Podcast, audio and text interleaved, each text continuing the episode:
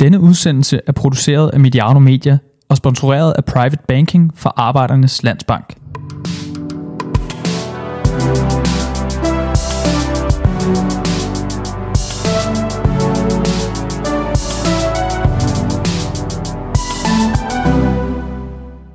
Er David Nielsen den ægte vare, når kameraet får lov at kigge med i Superliga Backstage, eller mellem håb og håbløshed, som det vist nok hed? Er det autentisk, når Pep Guardiola manisk flytter øh, brækker på, en, øh, altså på et whiteboard, mens han forbereder sig på, på mødet med mørkets fyrste ved navn Mourinho. Får vi landstræneren helt ægte og tæt på, når en forfatter følger ham i et år med DBU's velsignelse. Og er vi helt tæt på, når Claudio Marchisio brygger espresso i sit køkken i Italien i Juventus' egen dokumentarserie.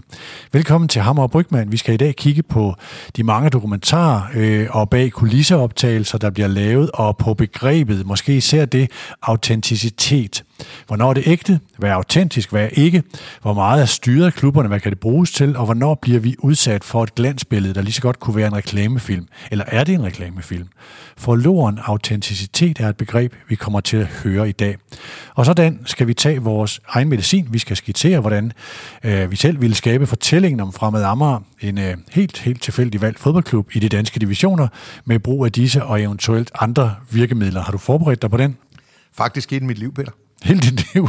Kan du sådan uh, for lytternes skyld, sådan, uh, nu bliver det noget af det, vi kommer sidst til, lave sådan en, en uh, cliffhanger, eller hvad hedder det på dansk, uh, en pigernes smagsprøve på, hvad det kunne være?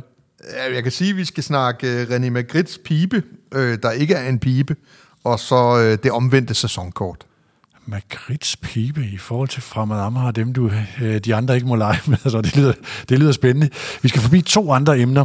Uh, vi tager både de øh, lyse briller og de dystre briller på og kigger på de scenarier, som øh, som, som, øh, som tegner sig med, øh, med corona, øh, og også nogle af de lidt dystre ting med, at visse elementer i sportens verden har meget, meget lange udsigter. Nu kommer fodbolden i gang rundt omkring, men hvad ligger der længere ude? Der er kommet ny direktør i parken og FC København. Hvad kan vi forvente med Lars Bo Jeppesen, en højtstående øh, person fra det internationale marketingsmiljø med en udpræget kommersiel profil? Og så er altså dagens tema på ægthed og bølgen af øh, dokumentarer og den her autenticitet, der ligger i det her. Hammer Brygman er nu på tredje år præsenteret i samarbejde med Private Banking for Arbejdernes Landsbank. Her et par ord om, hvad det handler om. Formuepleje og formueplanlægning er ikke kun relevant for meget velhævende. Faktisk er det meget relevant for flere danskere, end man lige skulle tro. Det ved vi i Arbejdernes Landsbank, og derfor tilbyder vi også private banking målrettet dig og din økonomi. Vi guider dig trygt og ansvarligt igennem de mange muligheder og valg, du har, når din formue skal have de bedst tænkelige betingelser for at passe dine mål og drømme. Tag en snak med os. Vi giver dig overblik og viser dig mulighederne. Lad os øh, lige begynde et helt andet sted. Jeg skal spare lytterne for flere spørgsmål om, hvornår vi kan øh, høre, øh, hvem det nu måtte være. Desi Miss Lizzy, tror jeg, ligger senere på, øh, på vores program, øh, hvornår man kan høre dem spille In The Blood herinde i, i din arena. Nej, lad os prøve at tale om en bog. Du udkommer i Øh, nej, jeg, jeg, jeg skulle næsten til at sige i dag. I dag er det kommet frem. Vi optager i dag torsdag. Den, øh, ja, hvad bliver det? Er det den 6. maj? Så noget det. 7. maj. 7. maj, 7. 7. maj. Øhm, der, øh, der, der er det kommet frem, at du sammen med Mads Davidsen skal lave en bog. Hvad handler det om? Ja, den, er i gang med den? Ja, den kommer til oktober, øh, og den handler om strategi i fodboldklubber, øh, både forretningsstrategi og fodboldstrategi. Med titlen, hvor svært kan det være? Jeg fornemmer et streg for ironi i den titel. Øh, nej. Nej? Øh, ikke ironi. Øh, det kan jo være svært. Svaret er, at det er svært. Ja, men det var det, jeg tænkte, fordi det var sådan, jeg har ofte det der indtryk af, at øh, mange erhvervsledere, og hvis jeg bare kunne overføre min kompetence til en fodboldklub, så skulle du virkelig se i høj eksponering, hvad jeg kunne. Øh, det er den tanke, man har set mange være, være grebet af. Ja, jeg giver dig ret i, at vi har bevidst valgt titlen for at være tvetydig. Hvordan er rollerne fordelt altså, i forhold til jeres respektive baggrund? Jo, ser du, øh, jeg springer ud som det helt store taktiske orakel her til oktober.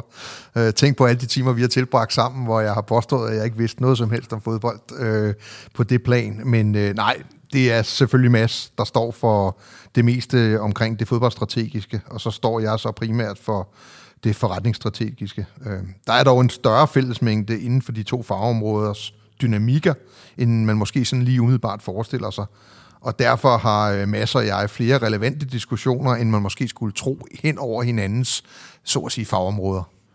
Og der er et ord, der går igen i de to ord, når du siger fodboldstrategi og forretningsstrategi. Det er ordet strategi. Det er jo meget fokus på, at det handler om strategi.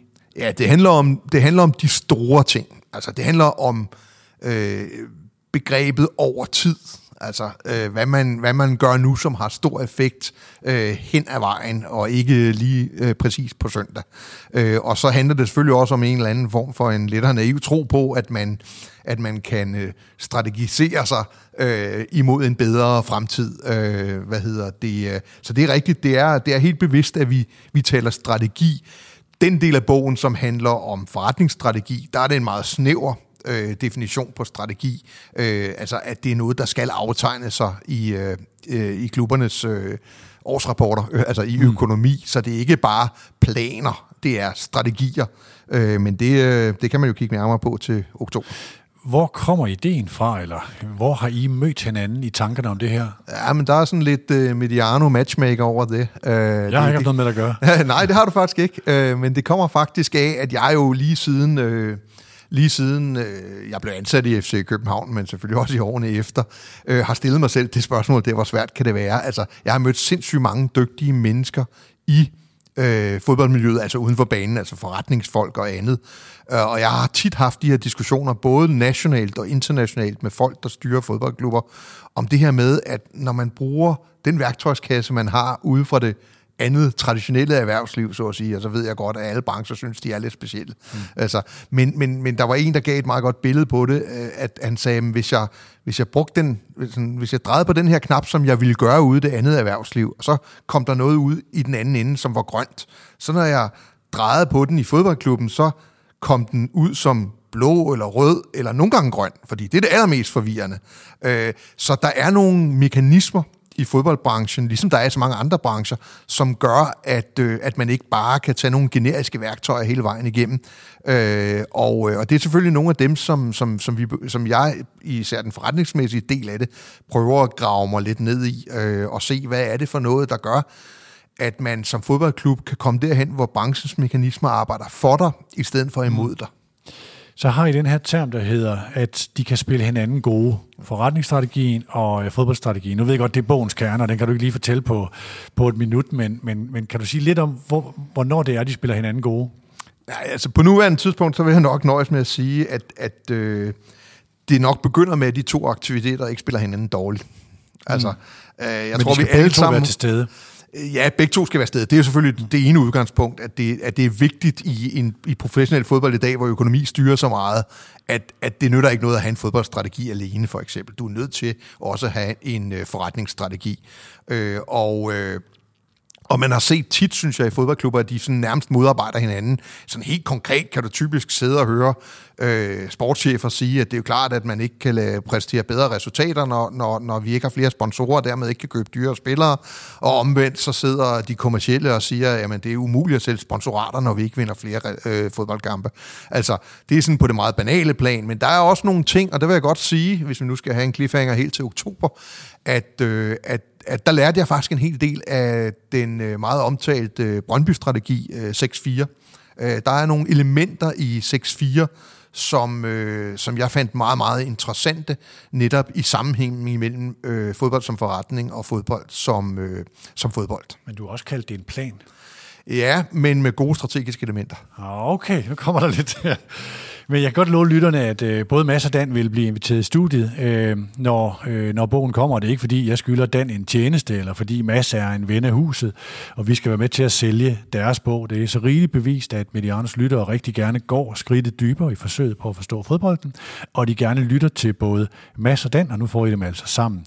Og jeg tror i øvrigt også, at vi i løbet af kort tid vil høre øh, netop Mads og Dan sammen i en udgave af Superliga for voksne, men det er nu mere en tilfældighed i, øh, i planlægningen. Jeg fik aldrig fortalt, hvordan Mads og jeg egentlig kom sammen Nej. omkring det her. Jeg ved ikke, hvorfor jeg fik snakket mig ud af en anden tangent. Øh, der skete det, at jeg gik rundt på et krydstopskib, kan jeg huske, øh, og, øh, og så skulle jeg høre noget, øh, noget podcast, og så var det den podcast, du lavede med, øh, med Mads omkring hans oplevelser i Kina og andet øh, som gjorde, at, øh, at de tanker, som jeg har gået med i alle de her år, og har snakket med, med, med, med direktører i fodboldklubber om, øh, både i indlands og udenlands, øh, der var mange af de ting, Mads sagde, som gav mening i forhold til det, jeg var begyndt at danne mig et indtryk af på afstand af branchen. Altså, øh, hvad er det, der gør, at ting lykkedes, og hvad er det, der gør, når ting typisk ikke lykkedes. Og så øh, på et tidspunkt, så øh, snakker masser af jer sammen. Vi har også haft diskussioner, vi er ikke enige om alting, men vi, vi, vi snakker lidt sammen, og så blev vi enige om at mødes herude til en kop kaffe ude i arenaen. Og der fortalte jeg så masser, hvor jeg var henne i mine overvejelser omkring det her med, hvad, hvordan er den her branche skruet sammen. Øh, og så supplerede han med at nogle af de tanker, han havde gjort sig øh, i forbindelse med, at han var ved at starte Optima op. Øh, og så synes vi egentlig, der var basis for at øh, kigge nærmere på det her i bogform, og så er det gået slag i slag. Det glæder vi os til. Vi optager, nu har jeg fundet ud af, at det er torsdag den 7. maj, øh, og i dag øh, er der nyt på vej om, hvornår og hvordan fodbolden skal genoptages. Det var der ikke, da vi gik i gang med at optage, men det er det, er det man forventer ifølge meldingerne fra Christiansborg, og man forventer for så vidt også at i hvert fald Superligaen er i blandt det. Øh, hvor bredt det så går ud rent fodboldmæssigt, det ved vi ikke. Og det er godt nyt, tyder det på. Lad os prøve at vende scenarierne. Hvis der, som vi lige nu tager udgangspunkt i, spilles fodbold øh, lige om lidt, som i slutningen af maj i Tyskland går det i gang i allerede i næste weekend, øh, er det så dit indtryk, Dan, at alle, nu taler jeg de danske Superliga-klubber, og de meldinger, vi kender til fra dem, får rumpetten med sig og kan klare sig med det, jeg kalder plaster og jod. Ja, altså mit udgangspunkt er stadig det samme, som da vi startede mm. med at diskutere det her for nogle måneder siden. Hvis turneringen færdigspilles, og det er så uden tilskuer, så klarer de fleste sandsynligvis alle skærene. Og jeg er ret sikker på, at alle Superliga-klubber de kommer igennem det. Vi talte i, øh, eller min kollega Sture talte i sidste uge med, øh, med øh, direktørerne i, eller, ja, i Randers og Horsens, med Christian Nielsen og med Søren Pedersen. Og der var noget af det, der slog mig, det var, at der var ikke sådan skyggen af frygt for øh, konkurs, men de taler begge sådan åbent om og ret ærligt om, jamen det kan da godt være, at der bliver lidt lavere sportslige budgetter.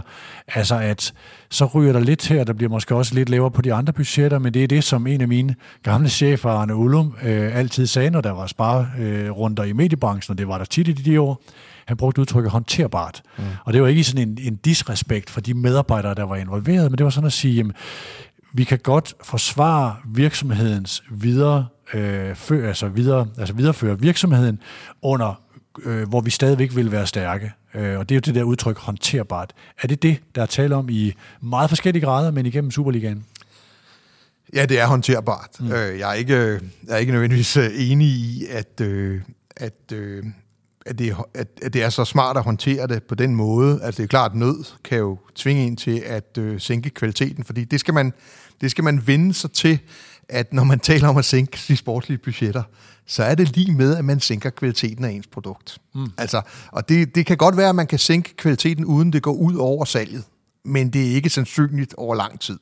Så det skal man have i baghovedet.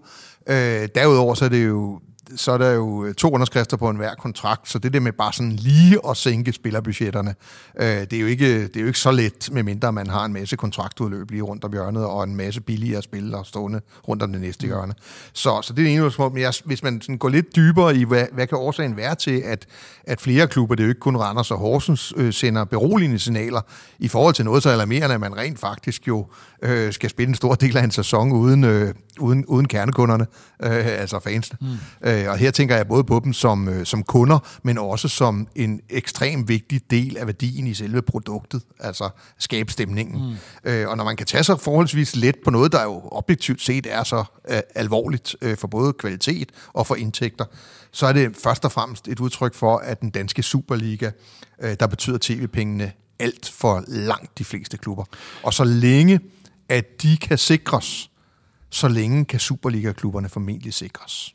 Lad os lige prøve at tage en enkelt klub, bare for eksempel skyld. Og det følgende spørgsmål er ikke fordi, at hverken Dan eller jeg, øh, formentlig, jeg ved ikke med dig Dan, men altså har ført samtaler med Lars Kynel, eller Jens Hammer Sørensen, eller Peter Sørensen i, øh, i, i, i, øh, i Hobro.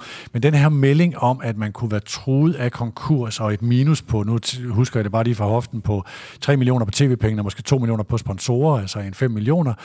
Øh, og så vil man, altså med, med en konkurs er jo risikoen, så rykker man ned i Danmarksserien, versus man har øh, spillere som øh, Paul Alexander Kirkevold, Babajan og Karpis, øh, som er ret attraktive spillere. Og hvis man siger, vi sælger dem, og øh, vi ved, vi laver aftalerne uagtet, om vi ved, om vi rykker ned i første division eller ej, så er første division noget bedre end Danmarksserien. Øh, er det en overdreven melding at komme ud med, at vi er truet af konkurs, uden vi kender deres indre forhold? Nej, det synes jeg egentlig ikke. Jeg synes, altså i fodbold diskuterer vi jo vores vilkår ret åbenlyst, og, øh, eller ret, øh, hvad hedder sådan noget, åbenhjertigt, og, og, og det er jo ikke raketvidenskab det her. Man er jo godt klar over, at, øh, at de aktiver, der i givet fald findes, og, altså i mange kriser er det jo det, det handler om. Kan jeg, kan jeg, kan jeg sælge afsøllet øh, ja. for at få lov til at overleve? Det er jo en, en, en ret kendt øh, problematik i de fleste virksomheder. Øh, og, øh, og i fodbold er det jo øh, spillere, vi taler om.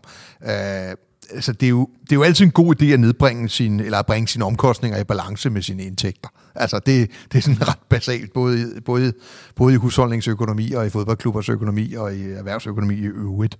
Øh, men, men for at det skal lykkes via sådan en plan, som, som Hobro øh, i givet fald vil have, så er der jo nogle forudsætninger, der skal være opfyldt.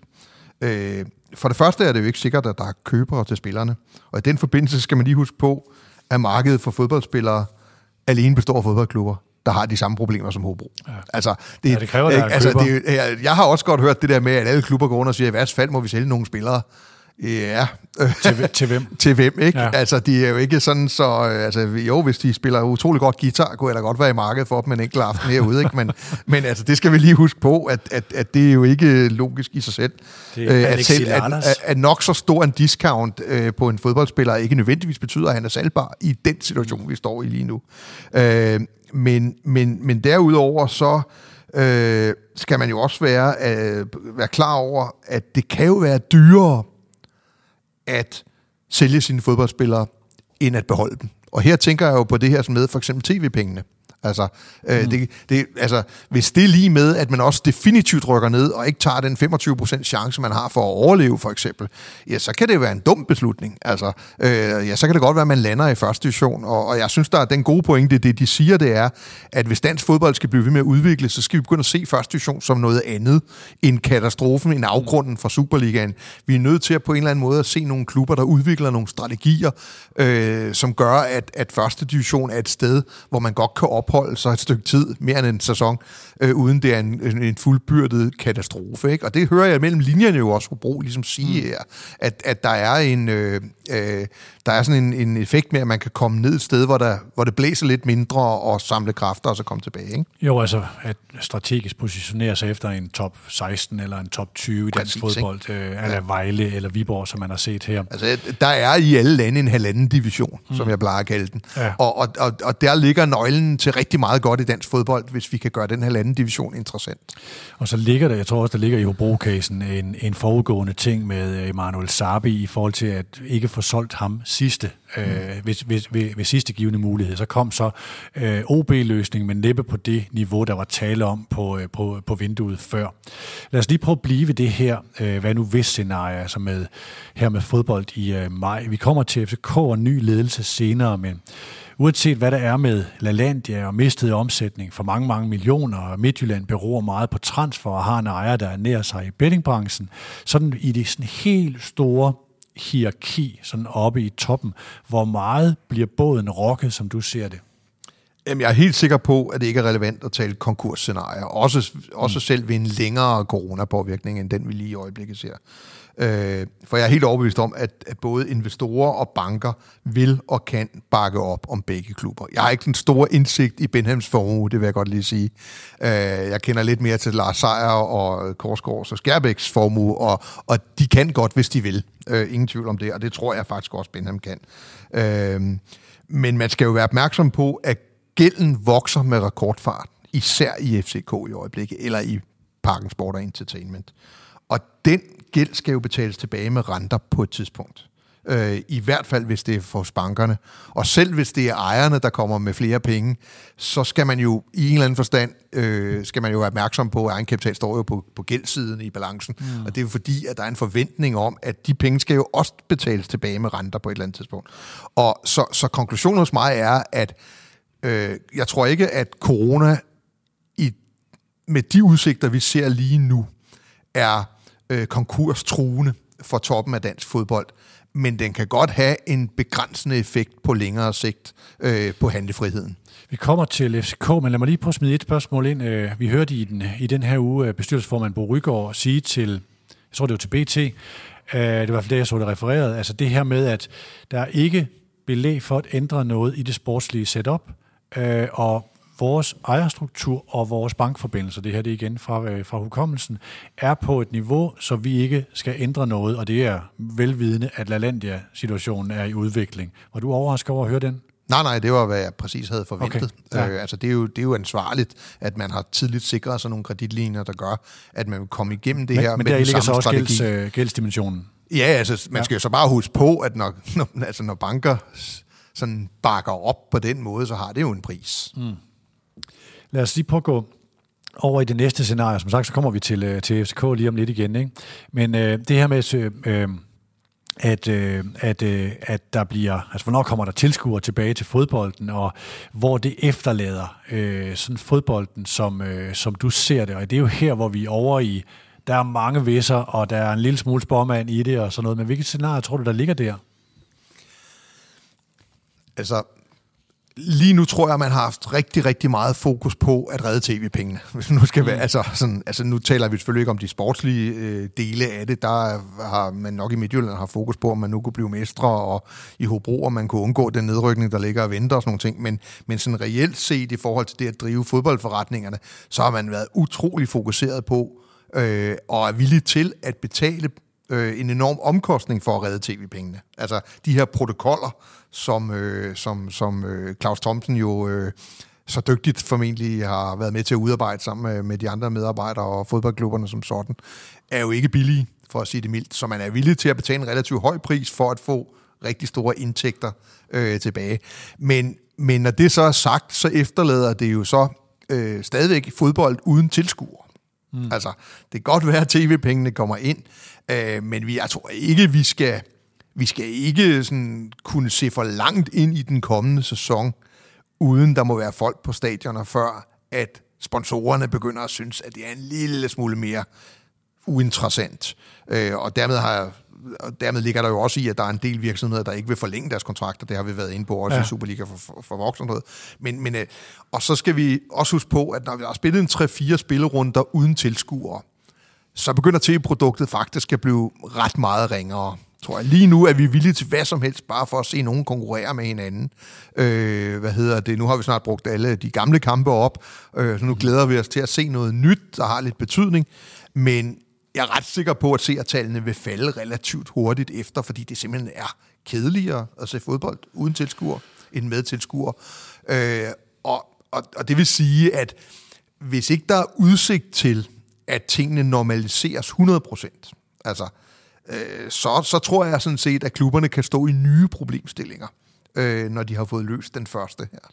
Jeg hørte en bankanalytiker sige øh, på News, det kan godt være, at den er taget fra en anden sammenhæng, men det her med, vi tager elevatoren ned, og vi skal tage trapperne op. Er det også det, der gælder for fodbolden? Ja, det tror jeg, øh, og det er også okay. Altså, det kan jo være sundt mm. nok at tage trappen ja, op, ja. ikke? Øh, der, hvor jeg, øh, der, hvor man skal huske på, at når man bliver rigtig optimistisk, og nu åbner det igen, og det ser ud som om, vi spiller sæsonen færdig og sådan nogle ting, så det vi også er i gang med nu, og, og jeg synes, det er rigtigt, så det er ikke øh, på nogen som helst måde et øh, spørgsmålstegn. Men, men det, vi er jo i gang med nu, det er jo strengt taget også øh, at få en afklaring, om der kommer en anden bølge, når vi begynder at se en anden øh, lidt oftere, end vi har gjort før, selv hvis vi holder øh, social afstand, som, øh, som det vist bliver kaldt. Ikke? Og, og det vil jo sige, at der er jo stadigvæk et scenarie, som hedder, at den her sådan form for åbning medfører flere fodboldspillere, der bliver smittet, øh, og, og måske også øh, flere indlæggelser på nationalt eller internationalt plan. Og så er der jo en slåen tilbage til start. Øh, og, øh, og det er selvfølgelig det scenarie, vi alle sammen ikke ønsker os. Øh, og jeg tror heller ikke på det, hvis jeg skal være helt ærlig. Jeg tror, jeg tror at det er, et, øh, det er et skridt i den rigtige retning. Det er det under alle omstændigheder, men jeg tror, at skridtet holder øh, som sådan. Men det er jo selvfølgelig en underliggende risiko, at vi lige pludselig måske i 1. juli står i nøjagtig samme situation, som vi stod i i starten af marts. Øh, og så er det jo lidt anden case, vi snakker om. Nu har du jo øh, nogle paralleller i forhold til at have publikum i, øh, i, øh, i arenaen, som, øh, som vi sidder i nu. Jeg har lagt et spørgsmål ind om, om OL i 2021, og det her, hvor man bringer hele verden sammen som sådan et... Det er jo nok der, hvor vi taler sidste bølge af åbningshalvøjer. Øh, altså alting har jo hidtil været et spørgsmål om, hvornår. Det er kun et spørgsmål om, hvornår åbner man for tilskuere, hvornår åbner man øh, for koncerter, hvornår åbner man for øh, ikke bare caféer og restauranter, men for, øh, for, for bare værtshus og spillesteder osv. Ikke? Det, alt har været et spørgsmål om, hvornår. Er der et scenarie, der hedder, at nogle af de her ting vil være ændret for bestandigt? Nej, jeg tror ikke et du øjeblik ikke? på, at folk... Øh, eller lad mig sige det som sådan. Ja, der er helt sikkert folk, øh, der er og stadig vil være skræmt fra videre sans, og som vil ændre adfærd i meget lang tid. Det, det, det tror jeg på. Altså, Som vil holde op med at gå til fodbold eller koncerter, for eksempel? Ja, jeg vil tro, der vil være nogle promiller, mm. øh, som, som, som stadigvæk vil have vanskeligt ved at, at øh, give los. Ikke? Men jeg er også sikker på, at der er mange, mange, mange flere, der mener, at livet ikke blot skal overleves, men leves. Altså, Ja. øh, og fodboldens kernepublikum hører nok til den sidste gruppe, hvis jeg skal være helt ærlig. Altså øh, de unge, typisk, øh, de øh, har jo et øh, sådan lidt ambivalent forhold til den her sådan, sygdom, øh, fordi de jo godt ved, de ikke selv er i direkte risikozone, særligt mange af dem i hvert fald, øh, og at mange af de restriktioner, der bliver lagt ned over dem, jo handler om deres samfundssind øh, og deres øh, potentielle øh, hvad hedder sådan noget, øh, smittebærerevne, mere end det handler om deres eget helbred. Øh, og, og derfor tror jeg også, at vi vil se, også fordi det ligger så dybt i os, altså rigtig mange af os var jo rigtig godt tilfreds med vores tilværelse før corona. Det er vi jo selvfølgelig, fordi vi over tid har udviklet os hen imod noget, som gør os tilfreds, øh, og en omgangsform, vi godt har kunne lide. Mm. Og derfor kan jeg ikke se nogen som helst objektiv grund til, at man ikke i en eller anden tidsperspektiv vender tilbage til den tilværelse, vi har ønsket os.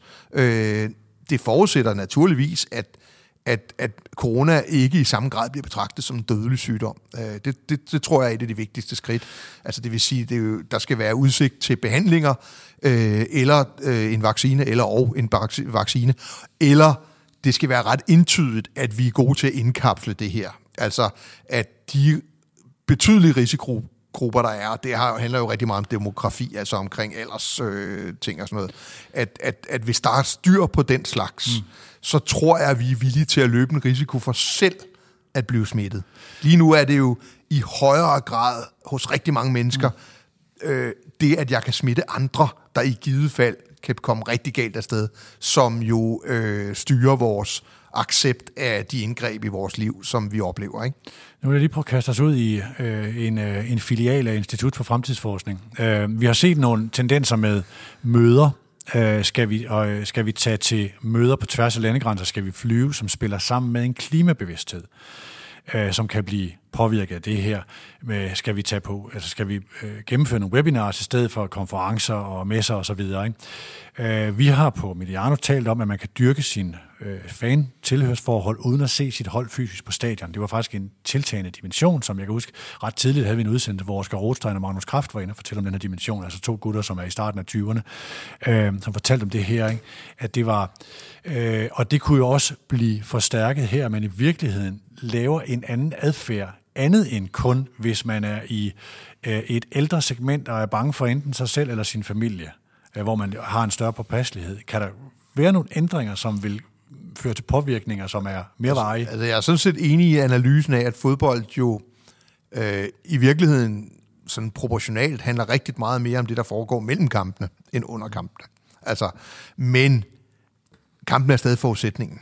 Altså, øh, og jeg tror, stadionoplevelsen er forudsætningen for, at man kan opretholde den her interesse for fodbold. Men altså, ja, man kan forestille sig rigtig mange ting.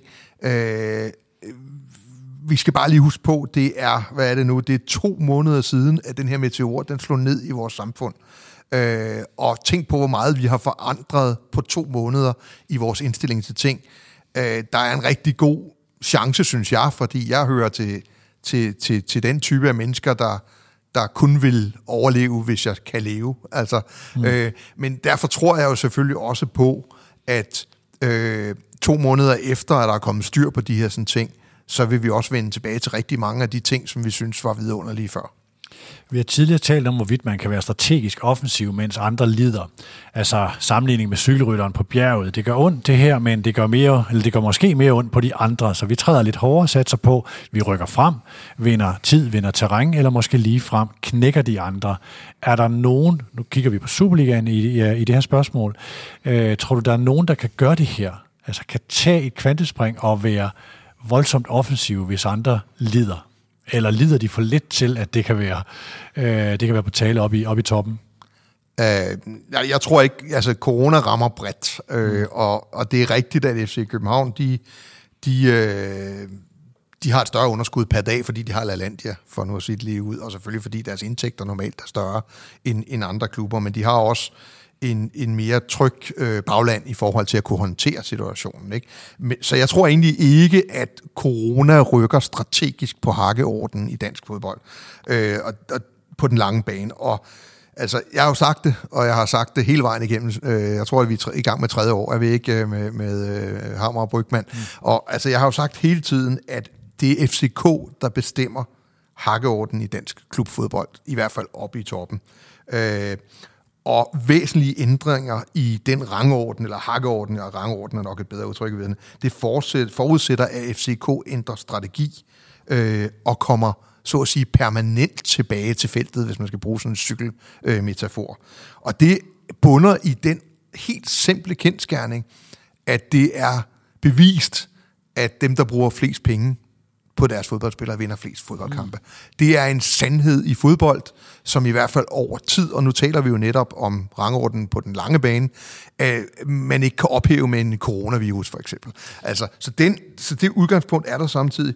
Øh, og FCK kan kun komme tilbage til feltet, øh, øh, hvis ejerne, og det er jo ret interessant, altså vi taler om hele rangordenen i dansk klubfodbold, og i virkeligheden er det tre personer, der styrer, mm. om der kan tale, blive tale om, om flytning af positioner i strategisk forstand. Det er Korsgaard, det er Skærbæk og det er Lars Seier. Altså, øh, og øh, der vil kun ske en ændring, hvis de ikke længere enten kan eller vil tage de økonomiske risici, der er forbundet med at drive forretning i den høje risikoindustri, som international fodbold er. Øh, indtil videre er der ingen grund til at tro, at de ikke kan. Øh, så det eneste spørgsmål, der bliver ved med at være tilbage, det er jo, om de vil blive, om de vil. Altså, mm. øh, og hvis man kigger lidt på, sådan, hvem skulle kunne rykke i givet fald? Altså sådan, forudsætningen er, at det var en muligt. Jamen altså, der er ikke noget rationale i at rykke markant fra FC Midtjylland, som jo er nok dem, man sådan lige umiddelbart kigger mest på, fordi de, de jo truer FC Københavns dominante position. Ikke? Øh, om man lige ligger der, øh, Brøndby, Midtjylland, AGF og sådan noget, det kan godt være, der bliver nogle forskydninger der, men, men det er jo ikke sådan grundlæggende ændringer. Øh, men hvor skal, hvor skal FC Midtjylland rykke hen? Skal de bruge øh, 50-60 millioner kroner ordentligt mere for at komme tættere på FCK? Øh, skal de omlægge spillestilen, så den tager højde for, at de skal lykkes i Europa?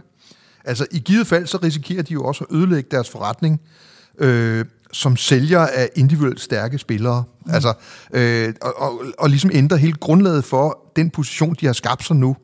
Øh, så, så jeg ved godt, at... Øh, at det måske er en lille smule kontroversielt, men i en ren strategisk betragtning, så tror jeg faktisk, at øh, det er as good as it gets i, øh, i FC Midtjylland lige nu.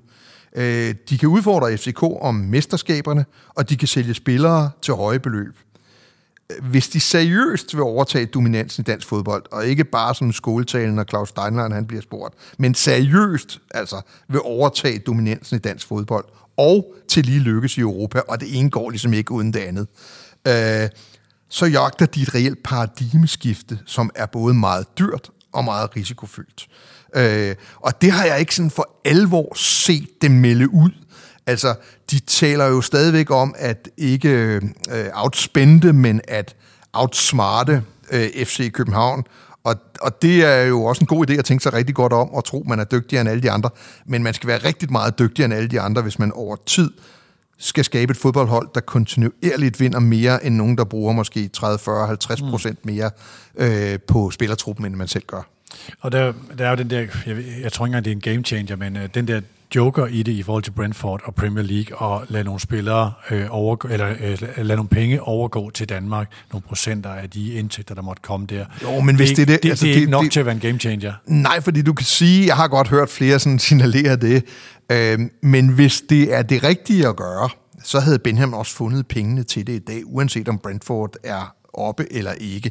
Altså, øh, det kan da godt være, at han kommer til nogle flere penge, men vi ved jo også, at om, som regel følger omkostningerne jo også med op i, mm. i Premier League. Og jeg tror sådan set, at Brentford ville have en, øh, en, en, en relativt... Øh, moderat indgangsvinkel til, hvor mange af dem de vil brænde af på fodboldspillere, men så er det jo også kun et enkelt år, sandsynligvis, det blev hængende deroppe. Ikke? Øh, så nej, jeg tror ikke, at, at Benham ser FC Midtjyllands strategi som et produkt af, om Brentford de er i øh, Premier League eller ej. Altså det, der er rigtigt at gøre for FC Midtjylland, tror jeg, han vil gøre uanset, mm. hvor Brentford ligger. Så kan der være noget i den måde, Midtjylland fungerer på, der kan blive en lille smule ændret måske mere hen af det farmeragtige, øh, hvis, øh, hvis Brentford bliver... bliver, Brentford. Ja, bliver men, men, men det der med, at for øvrigt, at, at tro, at, at der er sådan en lige en bro imellem en klub til en anden klub omkring spilleroverførsler, for eksempel. Det er jo sådan, når man sådan tænker sig om, hvorfor... Altså, der er jo broer imellem alle klubber omkring spilleroverførsler. Altså, øh, skulle, skulle Brentford få spillerne billigere i Midtjylland eller andet? Brentford kan jo købe fodboldspillere i Nordsjælland og i FCK og alle mulige andre steder i dag. Så, så, øh, så jeg er ikke så overbevist om, at det har så for bag, eller for, for sådan en rigtig stor betydning, øh, at, øh, at øh, Brentford skulle rykke op i, øh, i Premier League, strategisk af, for FC Midtjylland. Nogle af deres centrale danske spillere øh, er senest kommet fra, øh, fra Brøndby og Nordsjælland. Øh, med Marcondes, øh, Christian Nørgaard og Mathias Jensen. Lad os lige, vi kommer til øh, ny direktør Lars Bro Jeppesen. Vi kommer også til et interview, som Aldo Petersen har givet den her uge til, øh, til uh, Copenhagen Sundays, som også er interessant i den her sammenhæng. Jeg kan godt lige tænke mig at smide Brøndby ind her. Mm. Bare lige for, uh, at kan corona og den her elevator ned, og vi skal have trapperne op, hvis vi bliver i det billede, uh, have betydning for en hovedsponsor, der, der forlader, det kan være svært at finde ny, og på det niveau, man gerne vil. Øh, kan det have betydning for øh, Jan Bæk Andersens og Brøndbys ønsker om en, med, en ny medejer, eller et, øh, altså nye ejere faktisk ind i krisen? Nej, jeg tror alt det, man ønskede sig før corona, det ønsker man sig mindst lige så meget efter eller, eller under corona. Er det sværere nu? Øh, er den mindre attraktiv nu? Jeg tror, at, at jeg tror, du sådan helt generelt har en oplevelse af, både på finansielle markeder og på alle mulige andre markeder, der er en vis usikkerhed. Og så er det jo altid sværere at tage store beslutninger, og investere i en fodboldklub er en relativt stor, en, mm. stor beslutning. Øh, så selvfølgelig øh, må man formode, der lige nu ikke hænger så forfærdeligt meget fri kapital derude, øh, som eventuelt vil gå ind i en højrisikoforretning, som Brøndby er. Øh, men, men, men, men det kan jo ændre sig på relativt øh, kort tid. Ikke? Jeg synes, i forhold til corona, så kan man sige, at, at Brøndbys jeg ved ikke, om man kalder det held, men, men, men det er det jo, det er jo, at de jo trods alt øh, går ind i corona næsten gældfri efter den sidste emission derude. Øh, men til gengæld så genererer de jo også et betydeligt driftsunderskud, der næppe bliver mindre under coronakrisen. Øh, så umiddelbart har jeg jo svært ved at se, at de kan få hjælp fra andre end netop investorer, og i den nuværende situation er det nok også svært at forestille sig, at det skulle være udefra kommende investorer. Og så er vi jo nede til i hvert fald for en 60-65 procents vedkommende øh, Jan Bække. Ja. Øh, og så... Øh, altså så... Øh, han har jo tidligere lånt klubben penge, og, og man skal jo huske på, at de der sådan, penge skal jo stadigvæk betales tilbage med renter. Altså, så det er jo et spørgsmål om at få det ind for at overleve, ikke? Øh, så det handler igen, tror jeg, mere om, hvilken handlefrihed man bliver øh, begrænset i fremadrettet. Og øh, nu har klubben jo lanceret, at den under alle omstændigheder skal skære i spilleromkostningerne, og er formentlig også godt i gang med det. Det var man jo i hvert fald i sidste transfervindue. Og det her med corona kan jo blive det, der gør, at Brøndby i hvert fald for en relativt længerevarende periode bliver næsten en 100% talentudviklingsklub eller FC Nordsjælland. Mm. Altså, øh, og det kan jo være et øh, strategisk skuff i både den rigtige og den forkerte retning. Ikke? Øh, og det, right det, tror jeg, XL. Jamen, så kan sige, CV, når han er blevet spurgt, så har han jo sagt, at der skal flere unge spilminutter. Altså, mm. Men han har også sagt, men de skal støttes op af rutinerede kræfter. Og det er det sidste, som... Det kan jo være, at i stedet for at det er fem sådan rimeligt rutinerede kræfter, så kan det jo være, det er tre eller to, altså mm. af, af rent økonomiske årsager, ikke? Lad os prøve at gå og kigge på FC København med øh, nogle, eller nogle, nogle briller, der hedder kvantespring. Og jeg skal nok lægge en disclaimer ud over det her, fordi det er jo sådan, øh, når jeg spørger om det, så er det fordi Dan øh, var direktør og kommersiel direktør i klubben i en periode, hvor man faktisk gik fra at være en slags nummer to, eller i hvert fald bejle om førstepladsen, til at være ret entydigt nummer et i sådan det danske hierarki. Og så her må jeg lige rette, der ville nummer 8. Okay, men kom fra et udgangspunkt, der var mindre gunstigt end, øh, end det, man sluttede som. Og så er der, for at blive disclaimer, den her evige disclaimer omkring, der er en debat omkring gældsætning og hvad klubbens ledelse og Flemming Østergaard og Jørgen Glistrup foretog sig i den her periode. Det har vi talt meget om i nogle af de tidligere udsendelser, men øh, og det her handler også om en historieskrivning i forhold til, hvad er det, Lars Bo Jeppesen træder ind i, i en, øh, en slags kongerække, eller hvad er hans opgave. Lars Bo Jeppesen øh, skifter direktørstillingen i øh, Danmarks største øh, bureau, og i den internationale dimension hedder det altså Densu Aegis, øh, som er Øh, han har været ansvarlig for Norden, Benelux, øh, Central- og Østeuropa hos, øh, hos den Suegis.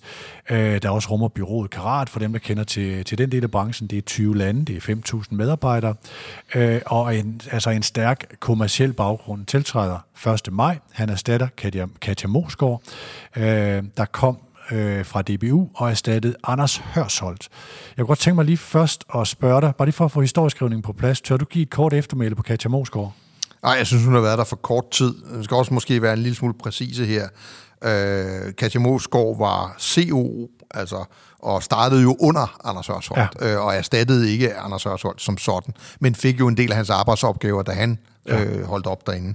Øh, det, men nej, jeg synes, Katja har været der for kort tid til, jeg i hvert fald udefra kan se, øh, at klubben har rykket. Så jeg, jeg, der, har, der har helt sikkert øh, været et godt stykke arbejde i gang i nogle år efterhånden inde i FC København omkring hele det her fokus på abonnementsordninger og øh, segmenteringer af fans og, og øh, den slags ting, øh, som jeg også tilskriver Katja, men også øh, øh, andre mennesker i FCK-organisationen. Men på de, sådan, på de helt store klinger er det jo ikke en, en, en klub, der har rykket sig de sidste to år. Øh, og i og for sig vel strengt taget heller ikke de sidste 10.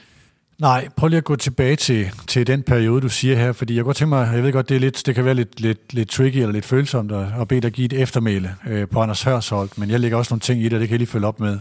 Altså, der tager jeg det, man på amerikansk øh, øh, kalder The Fifth Amendment. Men altså, det, det, der ligger i spørgsmålet, og det jeg måske også tidligere har været kritisk omkring i, øh, altså i forhold til Hørsholt til Poke, det er at sige, hvad skete der egentlig i den periode? Ja, der blev strammet nogle baduner, og øh, der blev forretningen blev sådan øh, øh, i Ståle Solbakken sportslige udvikling, og LaLandias i forvejen søsatte gunstige udvikling, blev det en, øh, en, øh, en sund forretning, øh, men det var dybest set en, en nu det der efterhånden slidte udtryk at forlænge verden med brædder, øh, det, det var lidt det, der skete. Der var ikke nogen kvantespring. Jo, digitalisering, men nej, ikke en digitalisering. Der var øh, semi-dårligt internet i parken og samarbejde med Telia, og hvad kan vi følge vores kunder og sådan noget. Jeg synes sgu ikke, det var imponerende. Det var ikke sådan, at jeg tænkte, wow, det her, her sker virkelig noget. Nej, men altså det handler lidt om perspektivering. Ikke? På mange måder synes jeg egentlig, man kan sige, at FC København er nogenlunde det samme sted, som det var i 2010. Uh, øh, men det er resten af verden ikke. Og, og, og der ligger der selvfølgelig også sådan et, et spørgsmål om, uh, altså skulle man have rykket mere? Og nu taler vi FC København som fodboldklub, det vil jeg godt lige sige. Jeg synes for eksempel, det at komme af med øh, Fitness.dk var en god ting, og øh, mange af de ting, vi fik foretaget i forlængelse af redningsplanen tilbage i 2010, var rigtig fornuftige. Øh, men, men sådan alt andet lige i forhold til FC Københavns øh, position, så er det vel, så er det vel det det er vel at være flink, vil jeg sige, at FC København både et nationalt og et internationalt perspektiv øh, er samme sted, som de var øh, tilbage i 2010. Øh, og, øh, og det har også noget at gøre med, nogle af klubberne, man sammenligner sig med i forhold til tærsklen til Champions League, for at nu at bruge det term, de har rykket sig internationalt. Ja, man kan sige, at Lars Bo, han lander i en klub, der lige nu er øh, et eller andet sted mellem, hvad man siger, en, en, en, en klippe og et hårdt underlag. Ikke? Altså, øh, det, det, det tror jeg ikke, der er nogen tvivl om, at man er presset nationalt af en, øh, af en fodboldklub, der er sportsligt konkurrencedygtig, men bruger langt færre penge på sin spillertrup, og som tjener penge. Og den kombination har vi ikke set før. Altså, øh, men andre vil jo kalde det et drømmejob, ved det ikke det? Nå, jo, det kan det også sagtens være. Jeg siger bare, hvad hans mm. udgangspunkt er. Ja. Altså, øh, og, og der mener jeg, at, at, at det, det, det er væsentligt, at man er presset, så at sige, nationalt eller nedefra, om du vil. Og det er jo afgørende, fordi hvis ikke man vinder øh, nationalt ret ofte, så er de internationale ambitioner jo invalideret relativt øh, voldsomt. Og så er man presset af, at de sammenlignelige klubber, som man kæmper om at komme med i de her sådan, puljespil, eller komme videre fra puljespil øh, fra. Øh, altså typisk dem, man løber ind i i sidste kvalifikationsrunde til Champions League eksempelvis. Altså de andre dominerende klubber i de mellemstore og små ligaer. At, at der har jeg et indtryk af, at, at, øh, at der bokser FC København øh, vi har altid bokset en vægtklasse over vores egen, men, men det nærmer sig en situation, hvor man måske endda skal op imod nogen, der er to vægtklasser og tungere efterhånden. Øh, og jamen altså, David slog Goliath, ikke? men det, det ville han ikke gøre næste gang. Vel? Altså, øh, og, og, og du kan sige, det er vel det, der er problemstillingen for Lars Bo i forhold til den strategiske position af lige præcis FC København i en sportslig sammenhæng. Det er, at man presses samtidig af øh, at det internationalt har de flyttet sig mere end FC København. Der er jo også nogle ændringer i turneringsstrukturerne derude med den her sådan, øh, frygtelige tredje UEFA-turnering, som jeg ikke tror bliver særlig attraktiv, i hvert fald ikke økonomisk forstand, og at øh, nåleåret til Champions League bliver en lille smule mere snævert øh, for klubber som FC København. Øh, men og så presset nationalt om, om adgangsbilletten til overhovedet at komme med til at spille om de der ting, at der er man presset af en fodboldklub, der lige nu har valgt en strategi, som er meget, meget effektiv i forhold til at vinde mange fodboldkampe i Superligaen, øh, altså FC Midtjylland. Lad os lige prøve at gemme den der dimension med ejerne, og det der i virkeligheden er den reelle udvikling af FC København. Hvad skal der til af investeringsmæssigt? Også det, Aldo Petersen har, øh, har været frem at sige her. Og lige gå til den rene ansættelse af Lars Bo Jeppesen. Mm. Jeg hører voldsomt positive ting om ham.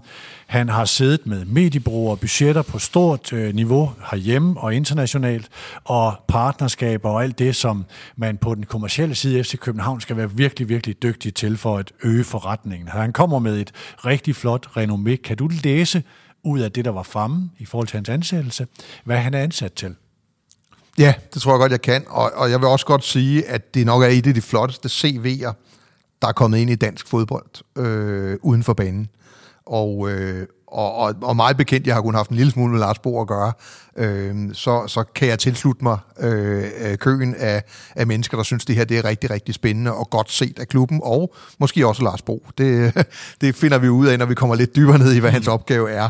Øh, jeg tror ikke, at der er nogen tvivl om, at Lars Bos erfaring med medier og markedsføring og kommunikation peger i retning af, at man gerne vil have løftet de kommercielle indtægter. Altså, det vil man jo altid gerne, men, men her sætter man så en ansættelse bag, så at sige.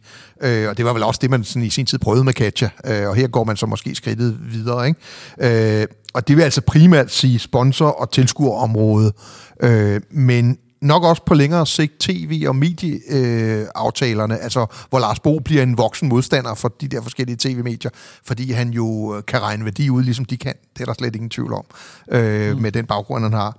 Derudover så synes jeg også, at FCK i forhold til klubbens position i dansk fodbold har stået relativt svagt, både i fodboldpolitiske sammenhænge, øh, jeg ved godt, Daniel Rommendal er med i et eller andet ECA, hvor jeg selv har siddet.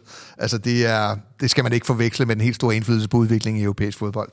Øh, men så sandelig også, øh, synes jeg, at FCK har, har, har haltet en lille smule på det her narrativ om, hvad er det for en fodboldklub? Altså det har du også selv været inde på, at, at den der historie om FCK skal jo holdes ja. ved lige, og det gør fodboldspillerne og Ståle jo alt, hvad de kan for, at, at, at de gør på banen, men der har manglet noget.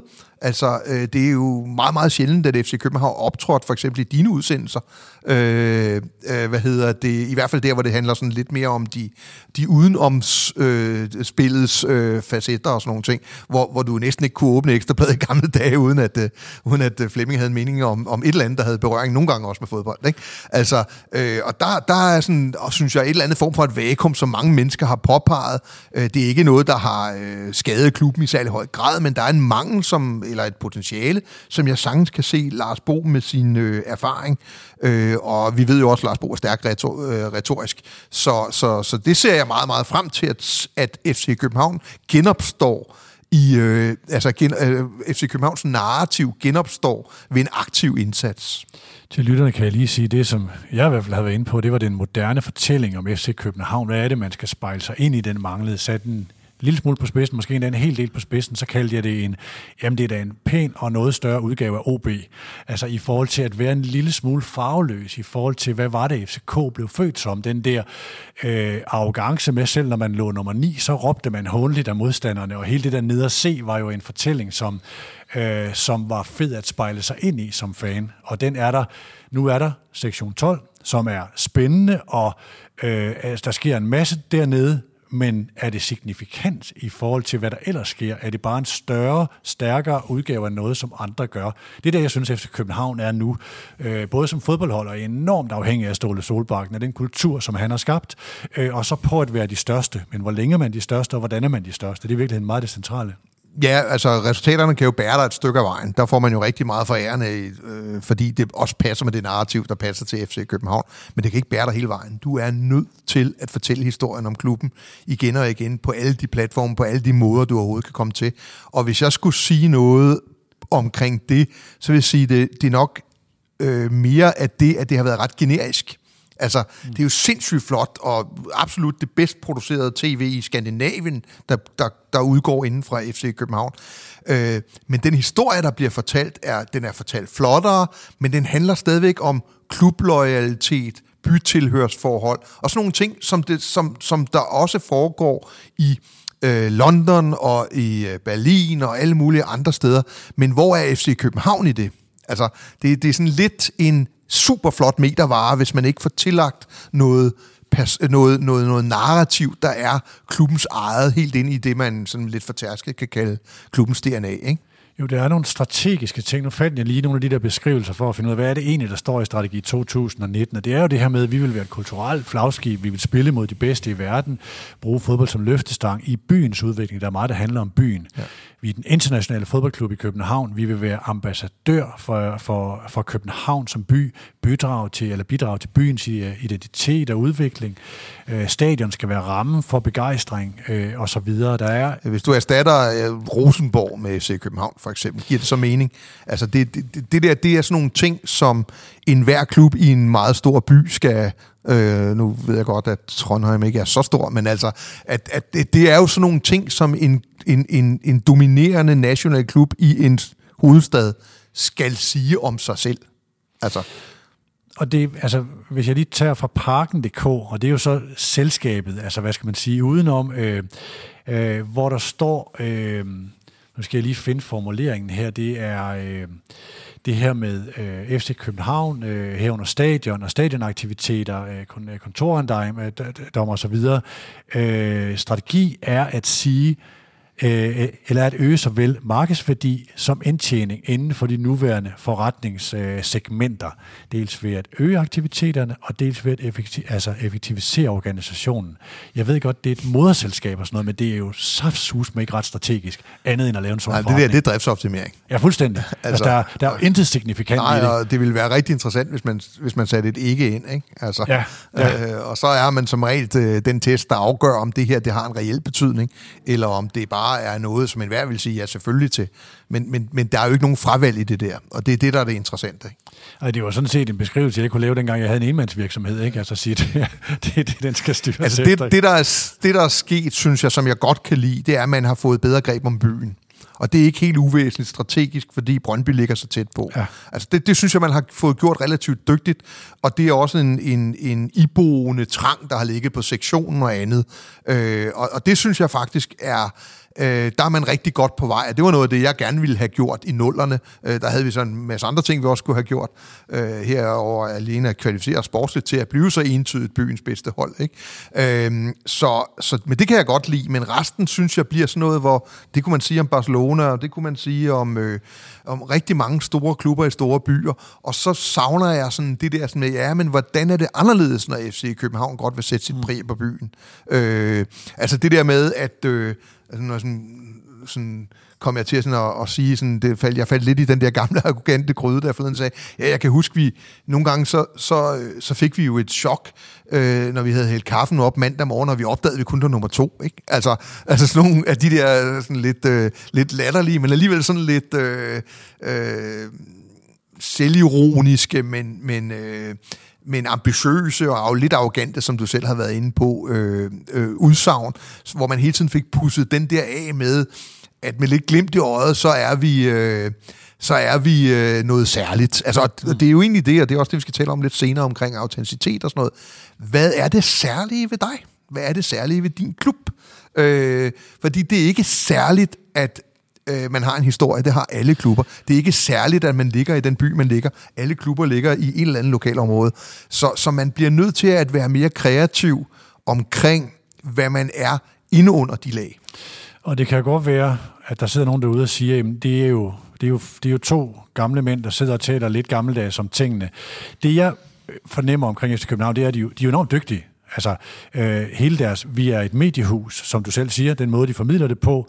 Øh, Alex Rasmussen er lige rejst til Milan som kommersiel direktør med et, med et, med et enormt flot renommé, de ting, han har lavet. Øh, Jakob Laversen øh, øh tager over er, er, er berømmet og kan rejse Europa rundt med den her billetstrategi og hele digitaliseringen, og deres partnere siger rigtig gode ting om dem, hvad de ikke gør i andre klubber. Mm øh, i, øh, i helt samme grad, så de er rigtig, rigtig dygtige. Det jeg sagde før om sektion 12, eller, eller, eller sektion 12, det var ikke fordi, jeg ville have dem, altså, og det jeg siger ikke, fordi jeg vil have alle sammen på nakken. Der er nogle fantastiske oplevelser, men det er den der fortælling, som alle skal spejle sig ind i.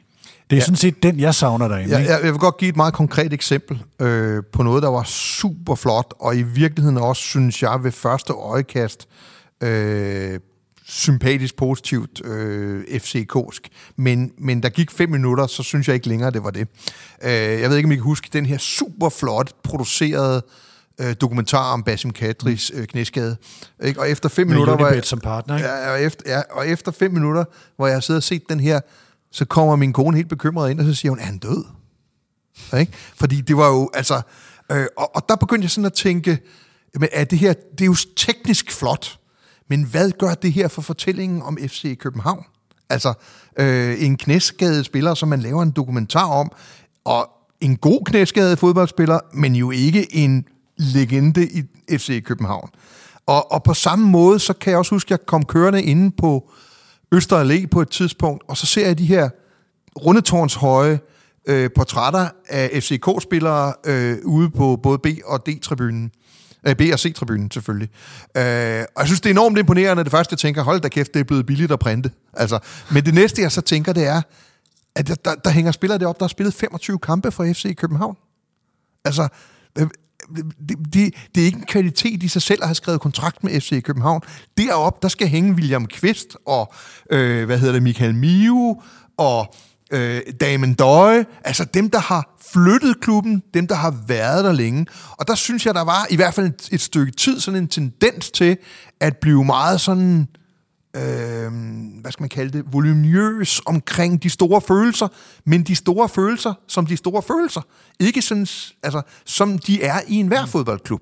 Altså, og der synes jeg, nøglen til den intelligente øh, branding, øh, med udgangspunkt i, hvem man er, den autentiske branding, det er at finde ind til, øh, men, øh, men der, er, der er noget andet end bare at lave teknisk lækre, øh, hvad hedder det, øh, øh, film, øh, eller meget store øh, billeder af, af fodboldspillere uden på stadion. Man skal, man skal opleve klubbens sjæl, når man ser det. Mm. Øh, og og, og det, det narrativ, synes jeg, at vi mere eller mindre ubevidst var heldigere med i nullerne. Nok også en nemmere opgave, end at skulle komme efter det, det vil jeg også godt sige. Men, men det var jo relativt uforudsigeligt, hvad, hvad Niels Christian Holmstrøm han kunne finde på at sige en søndag efter et nederlag i Viborg. Øh, men det medførte stadigvæk en branding, øh, som lå i forlængelse af det, vi var og det var relativt uforudsigeligt, øh, hvad Flemming han fik på forsiden af Ekstrabladet, øh, øh, og nogle gange kunne vi jo ikke huske, om det nu var 40 eller om det var 80 millioner, som der var kommet tilbud fra Arsenal til, på Zuma. Altså, ikke? Altså, men, men, det, men, men, men øh, altså, så jeg sidder ikke og siger, at vi sådan planlagde at, at få et enormt interessant øh, brand ud af FC København dengang, men det lå måske tættere på, hvem vi var, og dermed blev det måske tydeligere. Øh, og det er selvfølgelig også en af årsagen til, at det har været sværere at tage det videre, selvom man bruger langt flere penge på det i dag øh, end før, og selvom man, jeg synes, man, man er dygtig til den tekniske side af det. Lad os prøve at gå til den her rangorden og kvantespringet. Aldo Petersen øh, har i den her uge givet det her interview til Copenhagen Sundays, hvor han sidder oppe, på, eller oppe i sit sommerhus, sit sorte bjælkehus, med, jeg tror det er med David fra Copenhagen Sundays, og sidder og siger de her ting med, at i 2019 øh, afgav han sammen med et øh, konsortium tilbud på aktier, jeg tror det var LD's aktier, som jo endte hos Lars Seier, øh, og de nuværende ejere var ikke interesserede. De følte, at de havde, citat, godt styr på parken, citat slut.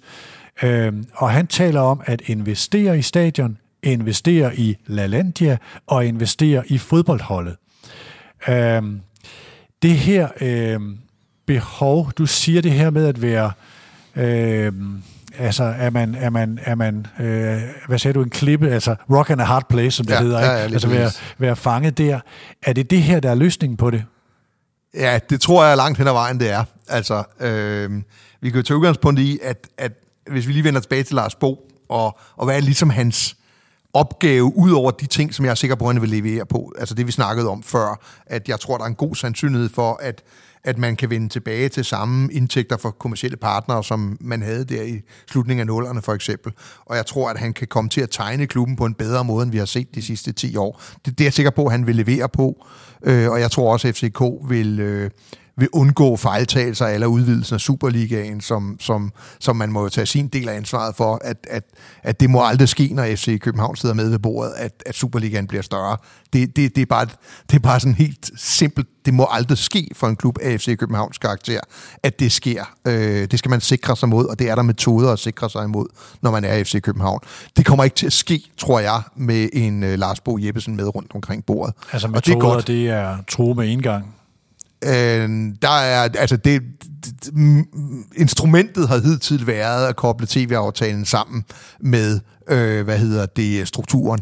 Øh, og dermed, øh, jamen, øh, hvis, hvis, hvis der skal være så solidarisk en fordeling af tv-pengene, som der er, øh, eller sagt på en anden måde, hvis vi skal være med i en en kollektiv tv-aftale, hvor der er en, en høj grad af solidarisk betaling, så er vores pris, at vi i hvert fald ikke underminerer det fælles produkt ja. ved at være alt for mange klubber, og dermed alt for mange kampe. Det har ligget som en fuldstændig fastlåst indstilling til tingene i FC København fra den dag, jeg kom derind i hvert fald. Vi kan ikke udvide Superligaen. Vi kan nok heller ikke få folk med til at gøre den mindre, men den må ikke blive udvidet. Altså, Nej. og det har man så, det, det må man have sovet timen omkring, siden man tillod, at der kom en 14, øh, eller en 253 kampes turnering, for det er der problemet har ligget, som jeg ser det.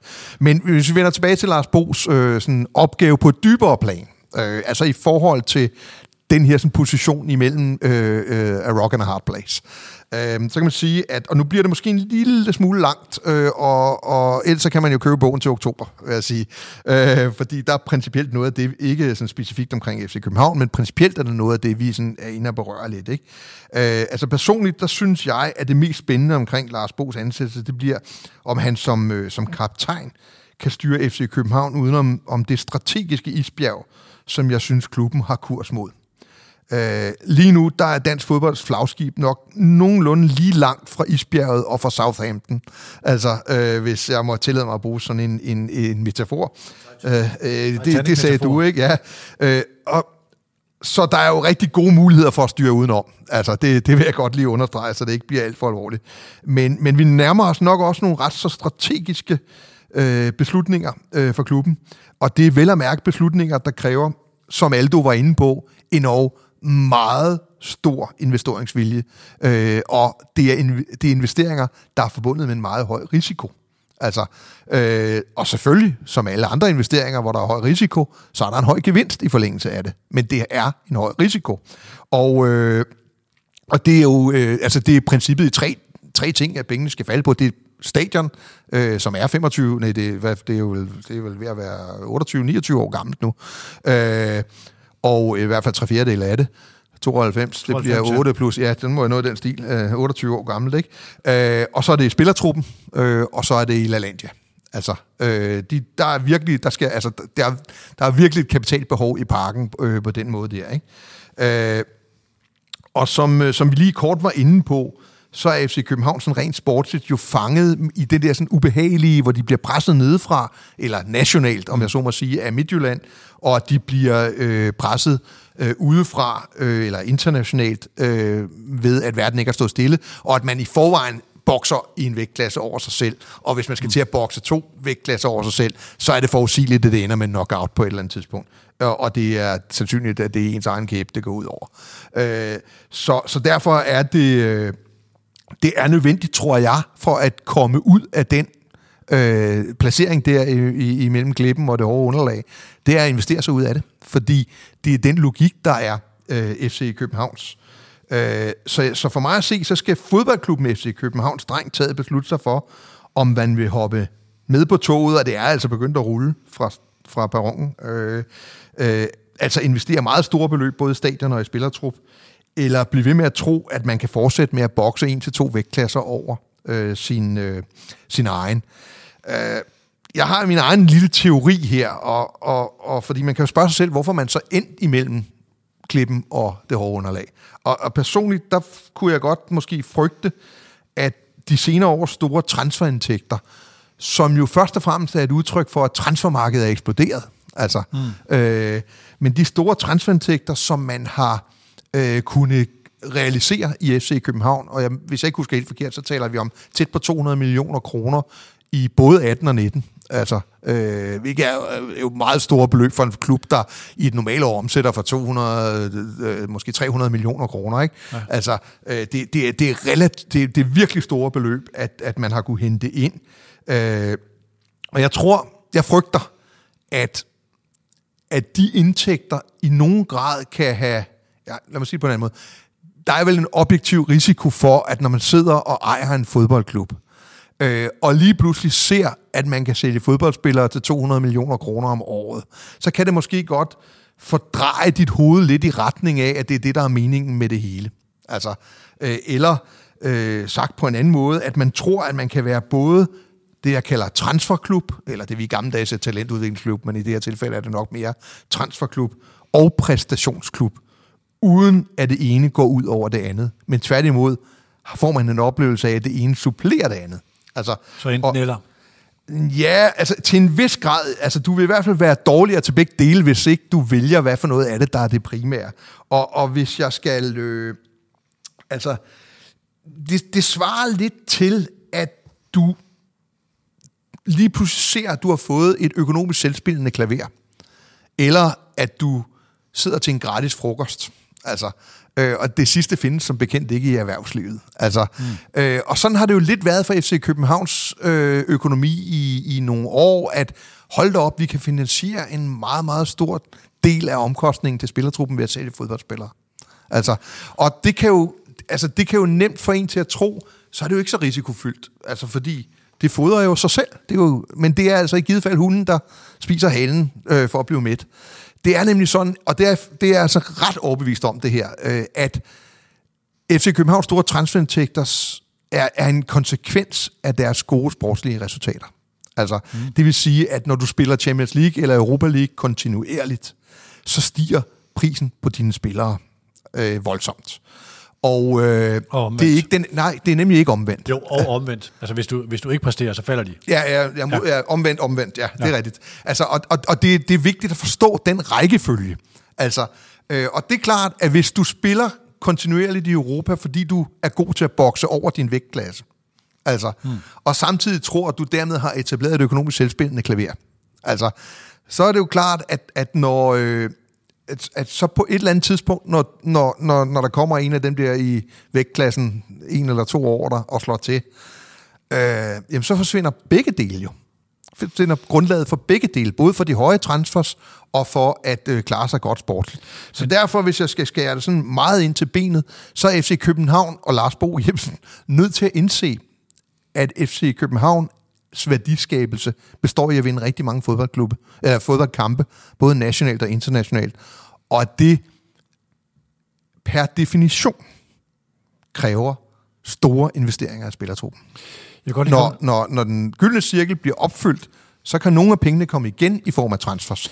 Men man kan ikke indrette sin strategi på, at man skal se bort fra en 27-årig spiller, in his prime, som man kan få fat i, fordi der kun er penge til dem på 22, som man efterfølgende kan tjene 40, 50, 60 millioner på. Ja, så hvis de skal være meget salgbare, så er de svære at vinde kampene med. Hvis det bliver et perspektiv, du skal have ind over, som er afgørende for, om du beslutter den ene eller den anden spiller, så kan du selv allerede høre, så er du begyndt at gå på kompromis med det, du virkelig har brug for. Ja. Nogle gange, så kommer der en Jonas Vind op, øh, og jeg håber, hans øh, korsbånd efterhånden er ved at være i orden og sådan noget på mange planer. Men, men, men, men, men det er især, når du er ude og købe spillere, så vil du nok have en tendens til at købe unge spillere, fordi så kan du kapitalisere på dem senere. Og unge spillere har af gode grunde et andet CV end ældre spillere. Eller du køber spillere, der er gået stå i deres karriere, stadigvæk er relativt unge, og du tror, du så kan få dem i gang i deres karriere. Og allerede der i forhold til at tage en etableret spiller, men som du ved, der ikke er et særligt stort videresalgsperspektiv i. Det kunne være skandinaviske spillere på vej hjem, Altså, øh, altså øh, Albæk, øh, øh, Linderoth-typen af spillere. Mathias Sanka nu? Øh, Mathias Sanka nu er vel ved at være... Ja, han er jo han er blevet 30 nu, tror jeg faktisk, ikke? Altså, øh, det, det, det er faktisk et meget godt eksempel. Altså, at, øh, at øh, han vil jo have en stor betydning, fordi han kender spilletruppen, han kender øh, stadion, han, han er vældig af fans, øh, FCK-fans, mm. øh, og han, øh, han kender trænerens øh, intentioner med fodboldspillet ud og ind. Øh, men der er jo ikke noget videresalgspotentiale i ham. Så det, det er jo en spændende situation, om man skal bruge penge på ham, hvis det overhovedet er muligt, det vil jeg godt lige sige, eller om man skal øh, øh, ud og hente en, en mere uprøvet 22-årig, mm. øh, fordi så kan man om to år sende ham videre. Men de vil vel derinde sige, at vi har øget fra, at det vi lå på en, da Ståle Solbakken kom tilbage, øh, jeg var selv med til at kigge på de der regnestykker og sige, at øh, der lå man måske på en tredjedel af det, som Klub Brygge, øh, Red Bull Salzburg og måske nogle øh, hvad skal man sige, røde stjerner og så videre. Nu ved jeg ikke lige, om de var helt sammenlignelige budgetmæssigt. Der lå man nede på en tredjedel af altså, niveau 100 millioner, mens de andre var rykket op i slutningen af 200 millioner. Ikke? Så har man i kraft af de her transferting rykket sig op på måske det halve af dem, hvis de ikke rykker meget videre, de her mellemeuropæiske klubber. Så man har i kraft af transfer jo faktisk formået at tage nogle skridt op i det der hierarki og komme tættere på det der nåleøje til Champions League. Øh, så udelukker de to ting hinanden? Øh, ja, øh, med fuld effekt. Altså, forstået på den måde. Nej, det har de jo. Det, det er jo rigtigt. Men er det strategisk holdbart? Jamen, det, du, du gør dig selv en lille smule sportsligt mindre kompetent, når du begynder at tage hensyn til andet end, hvilken funktion skal den her spiller øh, hvad hedder det, udfylde på mit hold i en ekstrem konkurrenceudsat øh, kontekst. Altså det, det, det, det, er jo, altså, det her det er jo nærmest øh, fysik, altså, øh, at, at, at hvis du skal have to parametre opfyldt, når du køber en fodboldspiller, så er det sværere, end hvis du skal have et parameter opfyldt. Øh, det, der er jo intet, og det, sådan er det helt generelt omkring det, jeg jo taler om, der ikke godt kan lade sig gøre alligevel. Det er bare mindre sandsynligt. Ikke? Og, og, og, og det er jo klart, hvis du i overvis gambler på det, der er mindre sandsynligt, så er det sandsynligt, at det bliver mindre effektivt, end hvis du gambler på det, der er mere sandsynligt. Dan, jeg skal lige have det der Titanic-ting på plads, og sådan noget med Southampton og isbjerget og så videre. Hvad går din bekymring på? Hvad kan der ske? Hvad er det værste? Jamen det værste er, at man, øh, at man for sent øh, opdager, at, at man er ved at sætte sig mellem to stole. Altså, øh, og så, øh, så skal man virkelig ind og reparere. Og vi har jo talt meget omkring det her momentum i sport. Øh, og når store klubber, de, øh, når kæden hopper af for store klubber, så er det rigtig svært at komme tilbage, og rigtig dyrt at komme tilbage. Øh, og, og det er jo selvfølgelig det værst tænkelige scenarie. Nu skal vi lige huske på, at vi taler om en fodboldklub, som indtil for kort tid siden tjente masser af penge og som øh, klarer sig rigtig godt, både nationalt og internationalt. Altså, de, de bliver med garanti mindst nummer to i Superligaen i år, og har alle muligheder for at kvalificere sig til Europa League i efteråret. Mm. Så, så derfor er vi, det er derfor, jeg med vilje jo også nævner havnen i Southampton. Altså, vi, vi er meget, meget langt fra, øh, at, at det er berettiget at tale Titanic-metaforer. Men, men hvis man sådan nævner Southampton i samme øh, sætning, så, så er det for ligesom sådan, at, at, at jeg vil gerne vække folk til at, at vågne, vække dem fra den her tornerosesøvn om, at det kan lade sig gøre kontinuerligt over mange år at bokse over mm. sin vægtklasse. øh, eller at puste sin vægt op med transferindtægter. Øh, hvad hedder det? Øh, fordi det gør bare, at din konkurrenceevne svækkes. Vi taler måske om 5-7 procent, den mm. svækkes. Men på det niveau, hvor FC København øh, konkurrerer, der er 5-7 procent rigtig, rigtig meget. Og det er jo det her med afhængigheden af Ståle Solbakken, og hvad er der inde bagved, og sådan noget, som vi har talt ja, det, rigtig den meget ligger om. så i næste niveau. Og det er jo den, der gør, at man kan bokse over sin vægt kontinuerligt. Det, det er altså en, en kompetence, sportslig kompetence. Altså Mads, øh, i Mads og min kommende bog, der arbejder vi med den her tommelfingerring, der hedder 70-20-10 med, øh, hvad der afgør din sportslige skæbne øh, over tid i en fodboldklub. 70 procent er det økonomi, 20 procent er sportslig kompetence, og 10 procent er held. Ja. Øh, og, og det er klart, at er du rigtig dygtig på de 20 procent, så rækker det rigtig langt. Men det rækker aldrig hele vejen i forhold til de 70 procent. Nej, de 20 procent er også dem, der skal forløse de 70 procent. De har en indflydelse på de 70 procent. Men, Altså, du, men, du, men, har, ja. du, du har set klubber med mange penge, som har, som har kunne, øh, som har kunne fuck Ja, det op. men, men det gælder det hele det her, vi taler om gennemsnit. Der er outlier ja. både på den ene og den anden side af, af enhver streg. Og, og hvis, du, hvis din strategi er at være en outlier, altså, så er du modig. Ikke? Nu kender du lidt til, eller noget til, eller en del til kalibreringen af den her fodboldklub. Hvis vi lige går ind i Aldos øh, øh, melding i forbindelse med det her interview, og det øh, konsortium, han repræsenterede i 2019, eller var en del af i 2019. Hvis nu man skulle sige, at de går tilbage til Aldo og siger, hvad var det egentlig, du sagde der i, der, der i øh, øh sidste år, hvis man, man står engang i 2021. Hvad er det så for en investeringsstørrelse, vi taler om?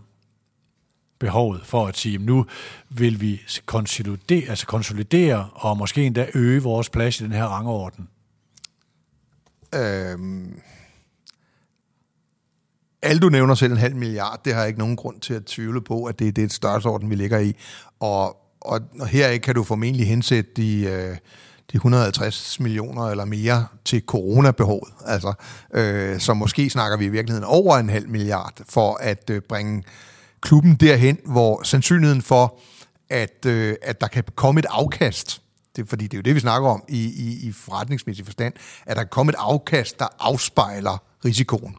Ikke? Øh, det, det vil jeg tro formentlig er, er nødvendigt, øh, både for effektivt at lægge FC Midtjylland bag sig nationalt, det er jo første skridt mm. i en sportslig forstand, men også for sådan seriøst at komme ud over den der med, at jeg er tvunget til at købe 22-årige spillere. Øh, jeg kan godt af og til tillade mig øh, at købe nogen, der er lidt ældre, hvis de er gode nok og passer ind i det hele. Ikke? Lad os lige prøve at gå tilbage til, til Lars Bro Jeppesen, når man har den her konstruktion med øh, tre mænd, der refererer til bestyrelsen. Det gør øh, Jan Haidt, der er koncernchef og chef for LaLandia, sidder i Aarhus og er, øh, eller bor i Aarhus og er koncernchef, men Arbejder er i Billund, ja. Arbejder i Billund, men er primært for LaLandia. Øh, Ståle Solbakken refererer til bestyrelsen, og Lars Bo Jeppesen kommer til at referere, øh, referere til bestyrelsen. Og det er jo sådan tre sideordnede, så, som refererer til Bo Rygaard. Hvad er det her for en type konstruktion? Ser du den som gunstig? Er den fin, og er den sund? Øh, eller hvad tænker du? Yes, altså, der er jo ikke de store daglige synergier imellem LaLandia og Parken og, øh, hvad hedder det, øh, fodboldholdet. Så, så du kan sige, at, at Jan Haidt og hans rolle med at optimere indtjeningen for LaLandia, og at øh, øh, og han er dygtig, og at, øh, at, at videreudvikle LaLandia-konceptet, som man jo er i fuld gang med, øh, det, det kræver naturligt en reference direkte til øh, bestyrelsen. Det synes jeg sådan set er fornuftigt nok. Øh, der er ikke noget nyt i, at sportsdirektører refererer direkte til bestyrelsen. Øh, det, der er anderledes, er, at bestyrelsen jo ikke sådan er enormt sportsligt interesseret, eller i hvert fald ikke magthaverne som sådan. Men, det, men lad det nu ligge. Altså, øh, så jeg, altså jeg tror, man skal passe meget på med de der som formelle ting. Altså Ståle har jo også altid haft en direkte linje til Flemming Østergaard, øh, mm. uanset om det var formelt eller uformelt. Øh, så, så nej, jeg tror, ikke, jeg tror ikke, man skal ligge så forfærdeligt meget i, at du får ikke tiltrukket en Lars Bo Jeppesen, hvis han ikke kommer ind i en koncerndirektion. Det, det, det, det tror jeg simpelthen ikke på. Altså, det, der jo stadigvæk er interessant, det er jo øh, øh, hans charge i forhold til Ståle Solbakken, og, og, og i hvert fald sådan rent organisatorisk, så, har han, så er han jo ikke Ståle chef. Øh, Nej. Og det er selvfølgelig et signal. Øh, Og det er jo et signal, som i hvert fald i en kontekst, hvor der har været tvivl om fodboldens betydning øh, hos dem, der træffer beslutningerne, så er det jo et positivt signal, trods alt, at bestyrelsen øh, har direkte kontakt ned i den sportlige ja. sektion. Det er også en lille smule usædvanligt, at at en sportsdirektør sidder og refererer ind i en koncern, hvor man omsætter, eller en, en, øh, en, en koncernbestyrelse øh, i en koncern, der omsætter for, en lille, for lige en underkanten af en milliard, ikke? i hvert fald i, i normale tider. Jo, man Men, nok øh, lave teambuilding-kursus med, med, med de to ret hurtigt, ikke? jo, altså, jeg, det, altså i sidste ende, så øh, bliver man ret hurtigt opdraget i FC København-systemet, i hvert fald øh, når når der er så stærke personer i den sportslige sektion, som er, til øh, hvad man skal blande sig i, hvad man ikke skal blande sig i, og hvad man skal skabe forudsætninger for, øh, og hvad man skal undgå at øh, spænde ben for. Øh, og det er selvfølgelig altid et spørgsmål, når der kommer en ny person, at det begrænsninger, man vil acceptere, fordi Ståles arbejde har stor betydning for, om Lars Bo lykkes eller ej. Mm. Altså, og det er selvfølgelig klart, det var også noget af det, vi startede med at snakke om, omkring det her med den sportslige, eller den fodboldmæssige strategi, og den øh, forretningsmæssige strategi, at, øh, at man skal jo passe på, at man ikke havner i en situation, hvor øh, eksekveringen af de to, øh, om jeg så må sige, stiller sig i vejen for hinanden, og at man begynder at pege på hinanden. Øh, og, øh, og det er jo altid spændende, når der kommer en ny direktør. Øh, som udgangspunkt er tingene jo afklaret. Ståle refererer ikke til Lars Bo Jeppesen, ikke? Lad mig lige tage en, en uh, parallel. Den er, den er lidt fjern, men alligevel uh, i din tid i nullerne må det have været, kom øh, en OMD-direktør, Herman Haraldsson, ind i som direktør i Brøndby. Det var i Per Bjergård-tiden, og derfor er den lidt usædvanlig. Men Herman øh, kom jo som en meget, meget anerkendt øh, direktør. Det var så med OMD, tror jeg, meget på det nationale plan, hvor Lars Bo har er mere arbejdet internationalt. I dag er Lars Bo, eller, eller stod af Herman Haraldsson, øh, lige kommet i Brøndbys bestyrelse, og er direktør for Boost, og i forhold til hele deres øh, udvikling og sådan noget, så har gjort en fin karriere siden. Han jeg tror, det var måske mere ind i Per Bjergård-systemet, brændte sig lidt på fodboldsystemet og sige, det, det er svært at lave de ting, jeg gerne vil, uden jeg har hørt Herman, Herman sige de her ting, men øh, kan du se en parallel her? Nej, øh, det ville være urimeligt, synes jeg, øh, både for, over for Herman og over for Lars Bo. Altså, det, der kan være så mange specifikke mm. ting i Brøndby på derværende tidspunkt. Det, jeg gerne vil sige, det er, at der er forbavsende meget fodboldklub i ledelsen af en fodboldklub. Altså, øh, og, og det er jo klart, at skal man finde huller i osten, og det synes jeg ikke, der er nogen grund til, hvis jeg skal være helt ærlig, men, men hvis, hvis man fik den tvungne opgave, så er det en meget anden verden, som Lars Bo kommer ind i nu. Øh, og vi snakkede lidt om det her med, når man skruede over den ene side, så blev det nogle gange grønt, og nogle gange mm. rødt, og nogle gange grønt, eller hvad hedder det, blåt. Altså, det, det, det er jo klart, at det skridt ind i en verden, hvor mange af de værktøjer, du normalt har, ikke øh, virker, som de plejer at gøre, det er et stort skridt. Og øh, øh, i medieverdenen er der rigtig meget, du kan øh, basere dig på. Altså, der er rigtig meget øh, beregning i, i, i Lars Bo Jeppesens, øh, hvad hedder det, øh, métier. Altså, det siger sig selv, øh, hele medieverdenen går ud på, øh, hvor meget... Øh, hvor mange mennesker du kan nå øh, mm. og blive markedsført overfor. Og det er, det er jo et ekstremt øh, modelleret univers. Øh, når det så er sagt, har Lars jo også meget, meget stærk ledelsesmæssig profil. Altså, øh, så, så, så det skal sådan set nok øh, øh, vise sig at have sin effekt. Men, men det bliver øh, det bliver en, en noget anden verden at komme ind i. Nu så jeg nogle af de første udmeldinger, som, som Lars Bo kom med, og det er jo helt urimeligt at hænge, hænge nogen op på det første. Men, men sådan noget med, at parken skal være et... Øh, et oplevelsessted, også når der ikke spilles fodboldkamp og sådan noget ting. Det, det er jo en ambition, der har ligget i rigtig, rigtig lang tid. Øh, og og det, det viser sig jo gang på gang, at det er sværere bare at få en, en, en pop til at løbe rundt. Ikke? Øh, jeg skal give dig et konkret eksempel. Da vi, da vi byggede den, den nyeste tribune inde i parken, der var det en øh, oprindelig tanke, at der skulle være en biograf øh, i den. Men så snakkede vi med biograffolk, og så sagde de så, skal vi så lukke hver gang, der er fodbold? Ja, det, det, det skal I jo, fordi altså, øh, Jamen det, man, kan ikke, man kan ikke køre en biograf, som er åben og lukket, sådan alt efter, om der bliver spillet fodbold og andet. Ikke? Så der, der viser sig ofte nogle meget konkrete ting, som forklarer rigtig mange af de ting, som man ikke kan forstå, ikke bare lige bliver til noget. Øh, og, og det er nok lige meget, hvilken branche man går ind i, så viser det sig, at, at djævnen den ligger i detaljen, mm. ikke? eller bor i detaljen. Og, og, og det er jo også der, hvor... Øh, hvor enhver, der har siddet udefra og betragtet en branche, som, og, og Lars Bo er fodboldinteresseret, øh, og så, så da klart, så har man sikkert tid og tænkt, men det jeg kan, det kan jeg gå ind og løfte, det og det med i en fodboldklub. Øh, og det er jo så først, når man er trådt ind ad døren, at... Øh, øh, og Ekstrabladet ringer og siger, at nu ligger din øh, midtbanespiller inde på, på fortorvet stangstiv og vil lægge arm, ikke? Hvordan reagerer du så, ikke? Det passer jo ikke lige med brandet, vel? Altså, som Flemming sagde, om så længe det var, var Carlsberg, han drak, ikke? Altså, sådan kan man også vinkle den, ikke? Men, øh, hvad hedder det? Øh, øh, det, det, er, det, det er bare altid svært at forudsige, hvordan det vil gå med lederkarriere i fodboldbranchen. Det er ikke ledernes skyld, det er fodboldbranchens skyld. Men jeg synes, at jeg ser tegningerne til noget rigtig interessant med den her ansættelse i FC København, det vil jeg godt sige. Lad os ønske Lars Bo Jeppesen ja, jeg, jeg vil lige sige en ting dog. Nu, nu tillod jeg mig jo at tale om dansk fodboldsflagskib og isbjerg og alt muligt andet, så kunne du jo med din enorme erfaring lynhurtigt sige, at det handlede om Titanic. Altså, øh, og jeg vil bare sige, at, at når jeg bruger Titanic-metafor, så skal man lytte efter. Altså, øh, tilbage i, øh, i 2011, der var jeg i det, der hed Fodbold Uden Filter. Jeg kan godt huske Carsten Værges tv-program på, øh, på, på øh, TV3, hed det jo dengang. Øh, og der blev vi så spurgt, om, øh, om vi kunne komme op med nogen som helst godt argument for, at FC København, der lige havde, jeg tror, vundet Superliga med 26 point eller sådan noget, øh, at der var et eneste godt argument for, at det ikke skulle blive FC København, der blev mestre i 2012 også. Og jeg stod lidt, og jeg var heldigvis sidst. Altså, så jeg kunne nå sådan lige at tænke mig om, og så sagde jeg, jeg kan kun komme op med et godt argument, og vi havde ligesom været rundt med at ståle stopper og sådan nogle ting. Så det, var. Og det eneste, jeg kan komme op med, det er, at næste år er 100 året for Titanics forlis. Altså, jeg siger bare, hvem blev mestre i 2012? Det gjorde FC Nordsjælland. Og hvor mange penge var det lige, at øh, der var i en anden kasse på I, I Allan K. Petersens kasse. Det var den der, direkte var, kvalifikation ja, til Champions League. Det var den fulde ikke? Altså, nordiske pool og hele halvøjet. Præcis. Ikke? To sæsoner øh, har dansk fodbold været i den øh, fantastiske situation. Og, og den ene, den, øh, den kiksede man så i FC København. Efter de, min... de er ikke anløse nu. Præcis, ikke? Så, så man skal lytte, når jeg siger Titanic, men man skal heller ikke tage det for mere, end det er. Nej. Øh, hvad hedder det? FC København er et relativt godt sted øh, som fodboldklub, men, men jeg ser helt klart også noget behov for at blive mere bevidst om, om man er den ene eller den anden type fodboldklub.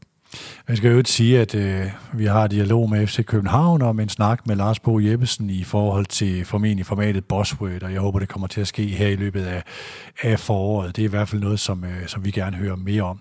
Lad os prøve at gå over til... Øh, til tredje og sidste emne. Jeg skal lige øh, give Dan en øh, pausestilling her og sige, at vi er på en time og 25 på nærmere 1.26. Um, og jeg havde faktisk lovet mig selv og mine nye kolleger, at vi skulle gøre reklame for noget nyt her på Mediano. Måske lidt langt hen i udsendelsen, men bedre sent end aldrig. I næste uge udkommer de første afsnit i vores helt nye kanal Mediano Sport og Perspektiv. Den er blandt andet lavet sammen med IDAN, altså Idrættens Analyseinstitut.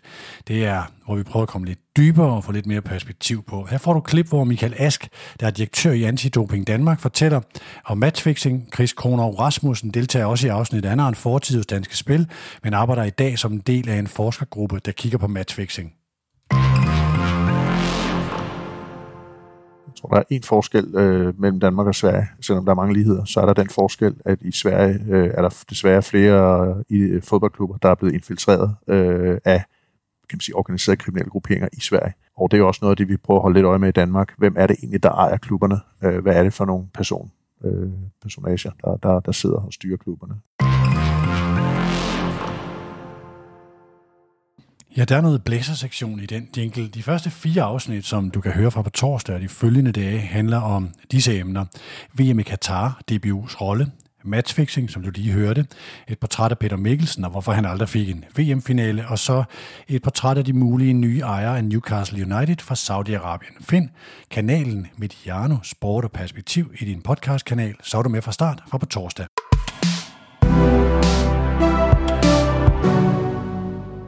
Det her med dokumentar versus reklamefilm. Vi har begge med interesse læst en tankevækkende kronik fra øh, Weekendavisen, skrevet af Asger Hedegaard Bøje, som også er kendt fra Medianos kanaler, blandt andet om Serie A og Champions League. Øh, og den hedder Forloren autenticitet. Dan, hvad gjorde mest indtryk på dig, i, øh, da du læste den? Bare så alle, der ikke har læst den, øh, er med på, hvad vi snakker om. Jeg forklarer den lidt mere udførligt om lidt, men lige dit indtryk. Jamen, det er jo det der sådan ord autenticitet, og, og så selvfølgelig kombineret med forloren, øh, fordi det er jo øh, det er jo noget meget flot. Altså, jeg tror, vi alle sammen forbinder autentisk med noget øh, værdi, positivt værdiladet, altså, og forloreren med det stik modsatte. Ja. Øh, og, og det vil ligesom sige, at, at hvis man prædiker eller rækker ud efter noget, der rummer autenticitet, øh, og man kigger øh, og det mener Asger jo, at nogen har gjort i, i den her sammenhæng, så er straffen hård, fordi så har man været inde og pille ved det allerhelligste. Øh, og, øh, og, øh, og det synes jeg er rigtig interessant at diskutere, fordi at, øh, at, at autenticitet er så vigtig i branding af fodboldklubber. Det er, jo en, det er jo en diskussion, man har haft meget i det politiske også, i forhold til, at hvem havde den her ægthed, altså Torning, Korridoren og ægte socialdemokrater ja. versus Mette Frederiksen, der på det tidspunkt havde, var beskæftigelsesminister, andre ministerier, og græd da Lykketoft, øh, han tog sit nederlag. Det var den, hun var den autentiske, ikke? Øh, og, og det er jo, det, det er jo virkelig... Altså, hvis du taler med sådan, øh, hvad hedder sådan noget, livslange socialdemokrater, dem er der jo nogle stykker af derude, øh, så, øh, så bliver de jo fjernet blikket, når du taler om torning øh, perioden Altså det, det, ja. Og det, øh, øh, det er jo ikke, fordi der er nogen objektiv grund til det. Der ja. kan være noget dongsøj eller noget andet, man har noget imod, og noget, noget, noget hvad hedder det, Serum Institut og andet. Men sådan helt grundlæggende, så, så handler det noget om noget andet, når, når socialdemokrater, de, øh, de ikke ønsker at stå særligt meget ved den periode. Mm. Nu læser jeg lige et citat øh, fra, øh, fra Askers øh, kronik her. Vi er hjemme hos Claudio Marchisio i, øh, i serien First Team Juventus. Øh, Marchisio, han brygger espresso og går rundt om den her store kogeø, og her skriver Asker så, han er casual klædt i olivengrøn sweater mørke ladesbukser. Det mørkeblonde hår og skæg er velplejet, og øjnene er så oceanblå, at man næsten, eller at man glemmer, hvor malende uspektakulær han var, øh, eller han er på banen. Don Claudio fortsætter, når jeg kommer hjem, er der sædvanligvis ro i huset, fordi børnene endnu ikke er kommet hjem fra skole. Min kone er på indkøb, så jeg kan nyde roen øh, med en kop kaffe. Det lyder som reklame, og er det også. Øh, dog hverken for køkkendesign, kaffe eller, eller herremode, øh, som får, øh, eller, eller men for Torino-klubben Juventus FC, der som mange af deres kolleger har set potentiale i den dokumentariske fremstilling, lyder det altså i Weekendavisen. Asger kalder det forloren autenticitet og gennemgår dokumentarer og serier om FC Barcelona, Manchester City, Sunderland til at die, en klub, der er bedre til at lave tv end til at vinde fodboldkampe, uh, Boca Juniors, Inside Borussia Dortmund og sågar uh, Leeds United uh, med en Marcelo Bielsa, der, uh, der er imod projektet, uh, som, som du har en særlig uh, følelse for omkring Leeds. Uh, og jeg skal jo lige sige der, prøv lige at tjekke de der ting, der ligger om Marcelo Bielsa ude i, ude, ude i dit podcast feed. Der er nogle jeg rigtige, det i går, det var glimrende. Ja, den, den der Michael Kjær-ting er jo, er jo det, det, det er fandme interessant. Jeg har ikke hørt den, om, øh, den der Premier League-udsendelse, der er lavet i dag. Nå, men tilbage til det her. Øh, hvor er du enig i, at det her er forlorent?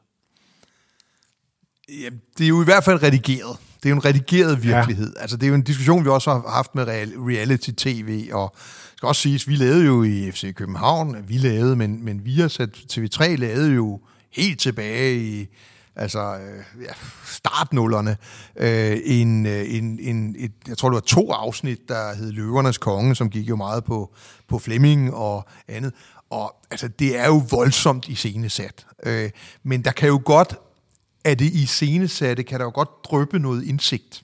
Mm. Altså, øh, dels er der jo selvfølgelig indsigten i, hvordan klubben gerne ser sig selv i, i de nyere øh, dokumentarer, som man ser. For jeg skal lige sige, dengang var det faktisk øh, øh, Viasat, der, der redigerede fra inden til anden, mens det i, de, i mange af de nyere serier er der øh, helt klart en indflydelse for klubbens øh, på, på, på, på de færdige udsendelser. Og, og kan man se den transparens altid? For det er Nej, det, der er afgørende. At man det er jeg ikke sikker på, man kan, men du kan sige, der, der er jo to former for at være med til at redigere i sådan en udsendelse. Øh, det ene, det er helt bogstaveligt talt, vi har vetoret, visse scener skal kunne klippes ud eller vi har ret til at sige, I må ikke komme med ind i det her rum. Øh, og så er der det andet, som hedder, men øh, hvad vi talte om før I kom, det kan I jo ikke vide noget om. Altså, der er jo set eksempler om, at man kan holde to slags bestyrelsesmøder. Ja, et foran kameraet, ja. og så et, hvor man diskuterer de ting, man skal. Ikke? Så som, altså, jeg tror sådan set ikke, at vi, der ser de her sådan, udsendelser, er i tvivl om, at det er en eller anden form for redigeret virkelighed. Øh, jeg er mere i tvivl om, øh, om man kan tillade sig at kalde det forlorent, øh, hvis jeg skal være helt ærlig. Fordi det har jo nok lidt at gøre med ens egne forudsætninger. Hvis man sætter sig hen og siger, nu får jeg, nu får jeg øh, den uredigerede sandhed om øh, Juventus for eksempel. Ja, du får jo en slags sandhed. Du får helt klart et indtryk af en, af en, en udmærket Juventus-spiller, øh, øh, som har et rigtig, rigtig godt liv. Og det er jo en del af forklaringen omkring topklubber i dag, at de der fodboldspillere tjener rigtig mange fod, øh, penge, og det oser det der sådan jo af. Ikke? Øh, så på en eller anden måde får du jo nogle sandheder, men det kræver selvfølgelig, at du selv har dit apparat med til at øh, destillere det ned til, øh, hvad for noget af det, der er en en, en postuleret sandhed, øh, og, og hvor det måske ligefrem dækker over en rigtig sandhed. Jeg synes jo, det afgørende er, om du kan se det, og det, altså, det kræver jo, øh, seere har forskellige forudsætningsniveauer. Jeg oplever, at de yngre generationer kan være meget mediekritiske, selvom de konsumerer YouTube-indhold, som vi går ud og afsendt af kommersielle øh, interesser. De kan sagtens se det. For mit eget vedkommende, vi talte lige om, inden vi gik på den her dokumentar, øh, Christoffer Guldbrandsen med Anders Fogh og Per Stig Møller og så videre, nogle af de ting, der var i, øh, i de der ting, som er en slags historieskrivning. Jamen, det kan da godt være, at Anders Fogh har samtaler inden kameraet på, øh, på telefon og så videre, men jeg bliver klogere af at se behind the scenes. Jeg bliver klogere selv, når jeg hører FCK's øh, egen podcast ned for omklædningsrummet efter en sejr, hvor så gør Victor Fischer det, så gør Andreas Bjelland det. Jeg ved da godt, den er afsendt af FCK, og det er en del af et glansbillede, men jeg kommer behind the scenes. Jeg lærer personerne bedre at kende, også når de kører mountainbike ude i Harskoven på den der store bakke op for Bagsvær Sø, som jeg også har kæmpet mig op af nogle gange. Ikke? Og øh, hvem, kommer, hvem kommer først op? Jamen det er øh, det er da, det er da klub øh, YouTube-indhold, øh, som er afsendt, og som, hvis de havde skændtes derude, var det ikke kommet med, men det ved jeg da godt som forbruger. Jeg er sådan, ikke at jeg er uenig med det, som Asger skriver, men øh, som kritisk medieforbruger, det tror jeg mange er, øh, og jeg ved også godt, der er nogen, der ikke er det, men, men der er det afgørende, det er jo, hvad for et filter har du på, når du ser det? Ja, det forudsætter så også en relativt stor bevidsthed om dit eget filter. Altså, du kan sige, at jeg ved jo godt, man kan jo sagtens sætte en tekst på, hvor der står, det der er en redigeret virkelighed, eller hvad det nu måtte være.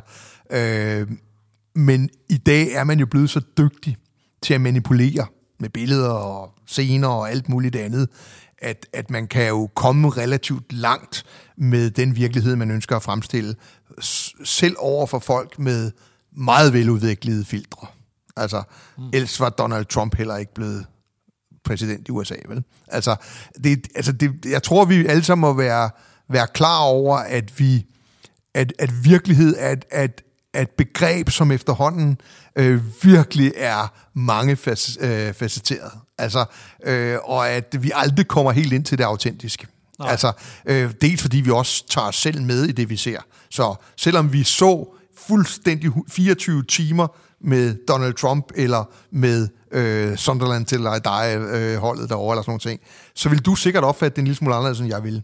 Altså, øh, ja. Og som sådan ville vi danne os to forskellige virkeligheder øh, omkring det her. Jeg synes, det er meget forskelligt, hvordan de der sådan udsendelser er lavet. Jeg står simpelthen af på dem, hvor jeg kan se, at ah, de ikke engang gjort så umage med at forføre mig. Altså, mm-hmm. øh, og der synes jeg faktisk, Sunderland til at die, og jeg var meget skeptisk, fordi jeg hoppede meget sent på den. Og ja, det er jo klart, når man har været en fodboldklub i 10 år, så bliver man sådan lidt alt det der postuleret af, hvordan det er inde i... Øh, altså, jeg, kan, jeg, jeg er jo en af de mennesker, som ikke gider at se videoer fra omklædningsrum, hvor folk står og råber chauvinistiske sange, når de har vundet en fodboldkamp. Altså, der, der bliver vundet en, en, en 4-5-6 fodboldkamp i Superligaen hver uge. Altså, det, det flytter ikke noget for mig. Øh, det gør det måske for nogle andre mennesker. Så derfor er jeg kritisk i forhold til alt, hvad der postulerer at komme ind og kigge ind i en fodboldklub, bag de lukkede døre og alt muligt andet. Øh, men Sunderland til at dig så jeg øh, nedslag af rigtige dilemmaer, øh, håndteret på den måde, som øh, umuligt kan være, øh, øh, hvad hedder sådan noget, orkestreret.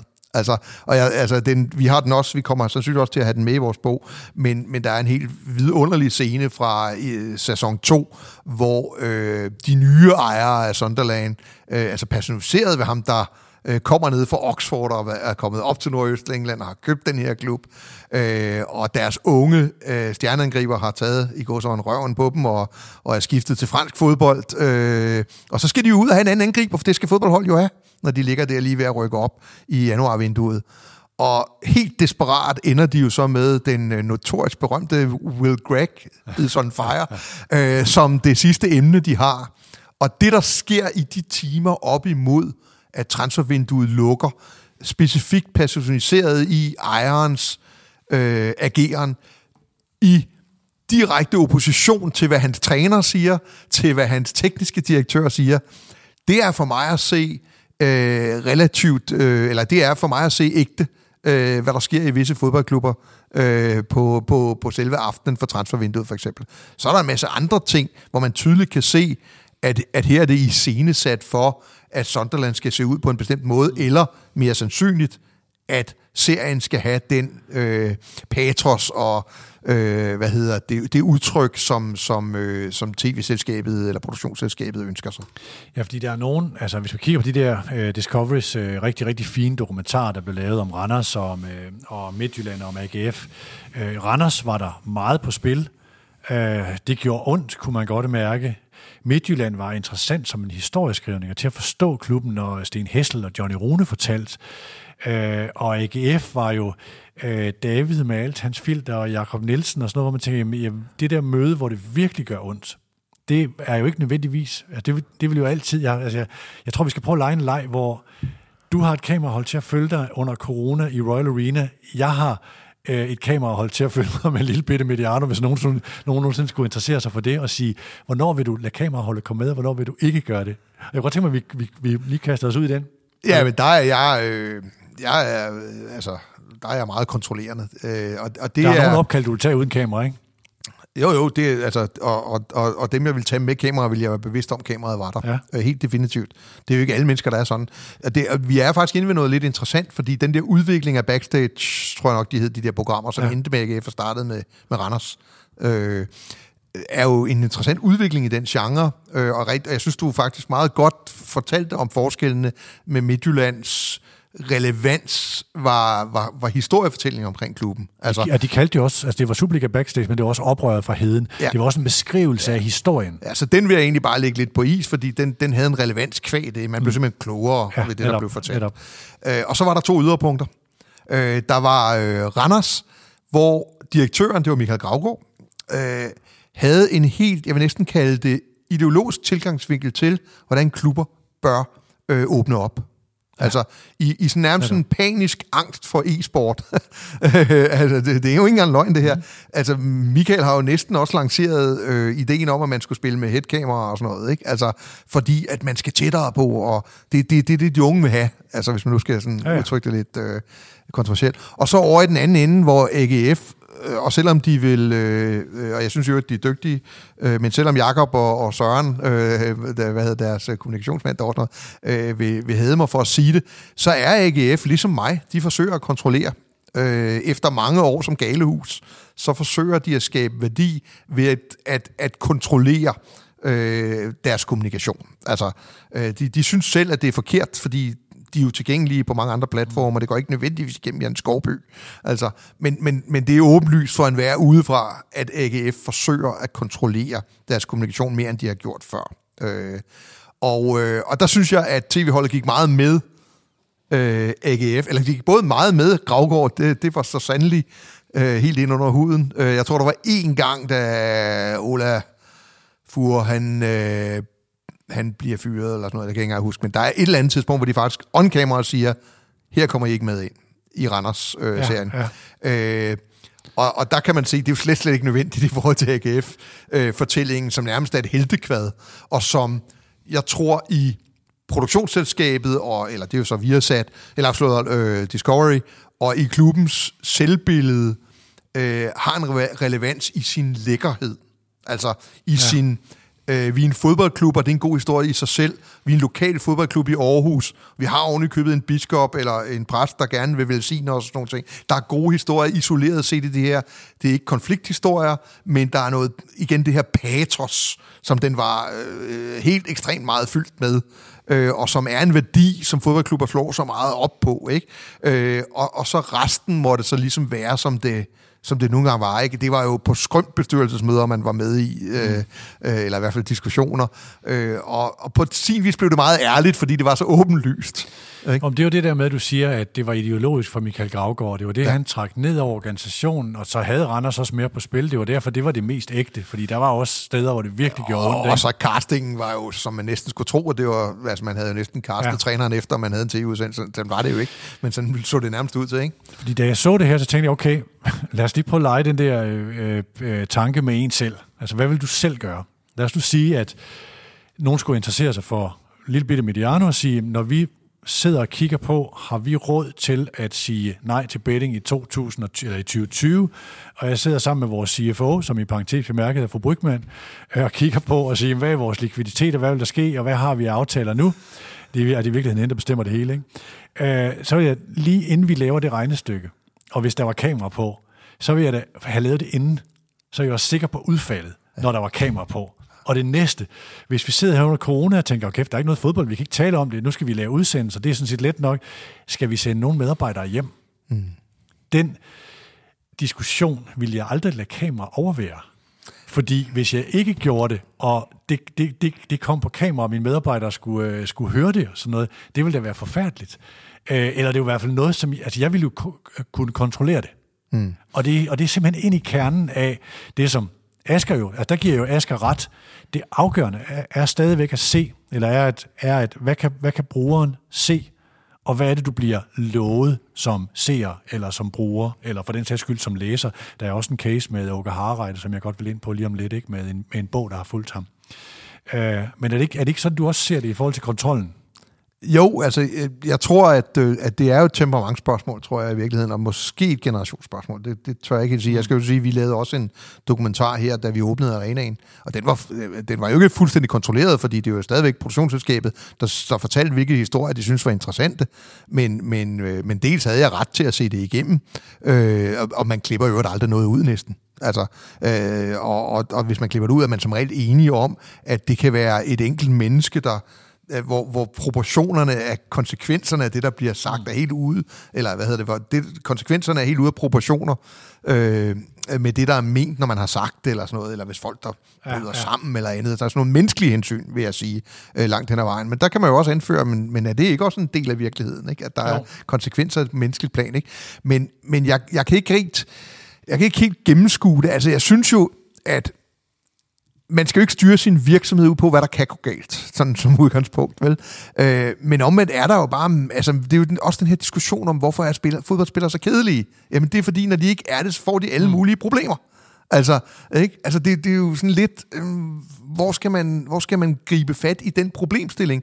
Hvis du bliver spændende, bliver du sandsynligvis også øh, et target på en eller anden måde. Ja. Ikke? Øh, og hvad tjener dig bedst? Jeg ved godt, hvad jeg er ansat til.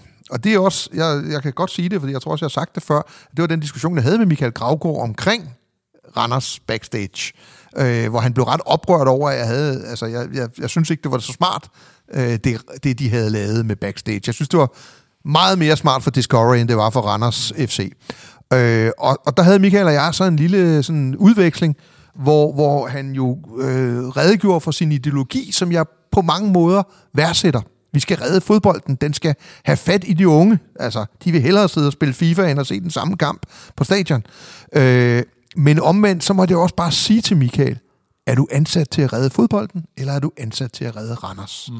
Og, og jeg ved godt, hvad jeg er ansat til i arenaen, og jeg ved godt, hvad jeg var ansat til i FC København. Og inden for rammerne af at kunne opfylde det, vil jeg godt være med til at redde både liveunderholdningsbranchen og øh, i sin tid, øh, hvad hedder det, fodbold øh, i bredeste forstand. Men det er den rigtige rækkefølge. Og det er også der, tror jeg, at kontrollen kommer lidt ind, at, øh, øh, hvad hedder det, øh, AGF-fans vil da nok være rigtig, rigtig ked af det, hvis fodbolden blev mere interessant, men AGF øh, præsterede dårligere, øh, på grund af, at man havde været engageret i en udsendelse, som underminerede David Nielsens muligheder, for eksempel. Ikke? Jeg kommer til at tænke på en... Øh en, en dokumentar, der var om Ekstrabladet med Paul Madsen på et tidspunkt, altså, hvor, der, hvor det her kommer frem, der, der bliver sagt det her med, jamen papiret kommer til at dø, papiravisen kommer til at dø, som var sådan en ret hård ting at komme med, og den synes jeg faktisk aftvinger stor respekt, fordi der er det, jeg, jeg tror også, Paul gik ind i det ideologisk, altså at sige, jamen, Øh, og det, jeg sagde før, var, altså hvis jeg nogensinde skulle gøre sådan noget, altså, eller, eller, eller hvis man skulle forestille sig det der, så ville man også gøre det ideologisk, men det, du vil bare, altså min pointe er egentlig bare, at der vil altid være et lille bitte rum for et filter, du lægger ned over det. Ja, det er jo bedst, det er jo bedst illustreret ved den her sådan, dokumentar, der har været for ikke så længe siden på DR2, omkring, øh, øh, man fulgte nogle øh, dagblade, tror jeg, altså aviser, som lever af åbenhed og ja, ja. kommunikation. Det er måske noget af det mest kedelige tv, jeg nogensinde har set. Altså, øh, og når man ved, hvor højt øh, bølgerne kan gå på en redaktion og sådan nogle ting, så må, så må jeg bare sige, at øh, det, det, det illustrerer vel meget godt, at, at, øh, at dem, der selv lever af at, øh, at, at, at komme så tæt på virkeligheden som overhovedet muligt i deres skildringer og andet, mm. at de, de, har jo, de, de slipper altså ikke selv grebet, øh, når, når, når de selv skal fremstilles. Der er også bøger. Jeg vil godt lige prøve at runde et par bøger, øh, som altså nogle, jeg synes er, er, er, er fantastiske bøger. Michael Laudrup eller Jakob Kvists bog, Ambassadøren. Øh, Michael medvirker jo ikke, men han er et eller andet sted i bagskærm, og Jakob har kontakt til Michael. Der er også det her med, hvem åbner døre til kilder, og hvem gør ikke. Ret udtalt omkring øh, Nikolaj Jakobsen-bogen, som Kurt Lassen har lavet, øh, uh, håndboldlandstræneren. Jeg synes, det er en fremragende bog. Jeg har da klart indtryk af, at øh, Nikolaj er i bagskærm, og han siger til sin bror, eller hvem der er kilder rundt omkring, at jamen, nu kommer Kurt, og det er ok, du må gerne snakke med ham, du må gerne fortælle om mig. Men som læser ved man jo godt, at det er nogenlunde rollefordeling, og det afgørende er jo, at man dels transparensen, og dels at du bliver klogere af det. Og det gør du i de her to tilfælde. Nu har jeg ikke læst Kasper Stenbaks bog øh, om Åke Harreiter, som jo har været, så blev den udsat, og så blev øh, i forhold til øh, slutrunder, og så kom Kasper Julemand ind og så videre. Ikke? Der har Kasper Stenbak fuldt Åke Harreiter i, øh, i et år med DBU's accept, og det er jo sådan, Jamen, den vil jeg da læse med interesse, fordi det er dokumentarisk, men man skal også vide det med DBU's accept, og også formentlig, hvilke rum er åbne, og hvilke rum er ikke åbne. Øh, altså, man skal kende præmissen. Det ja, det, jeg vil sige, at, at, at jeg havde jo de samme præmisser, da jeg i sin tid skrev Stålebogen, hvor, mm. hvor Ståle ikke selv medvirkede. Men, øh, og det skriver vi også i forordet, at øh, han har åbnet alle døre for mig. Øh, og, og, og dem, man snakker ved, ved jo også godt, at Ståle har åbnet dørene, og, øh, og, og, og det er der jo en selvcensur i, i sig selv. Altså. Mm. Øh, og så vil jeg sige, at, øh, at jeg kommer sådan lige umiddelbart på en, på en anden bog, fordi det handler også lidt om, hvem man skriver om i hvor høj grad det her det spiller ind. Jeg tror faktisk, at en af de nyere bøger, hvor man simpelthen er kommet ind i et miljø, hvor man hvor, hvor, det, hvor, hvor censur og øh, kontrol, øh, i hvert fald i, i den forstand, øh, ikke har noget, man vil aktivt vil stå ved, og derfor har man fået en meget, meget interessant bog. Og jeg kan ikke huske, hvad den hedder, men det er den bog, der er skrevet af Herrn Morten Remer omkring øh, Alternativet. Ja. Og, og, og ud fra, og, og nu skal jeg nok passe på med at være dumsmart, men ud fra, at, at, at, at Alternativet nærmest jo er ligeglad, altså, øh, og Alternativet ikke er én ting, Altså, så tror jeg, der er kommet en, jeg har kun hørt omtalen og læst lidt uddrag og sådan nogle ting, så der er kommet en meget interessant bog ud af det, fordi der var ikke noget kalkuleren, i hvert fald ikke øh, noget, som, som øh, i særlig høj grad styrede, hvad der stod i bogen.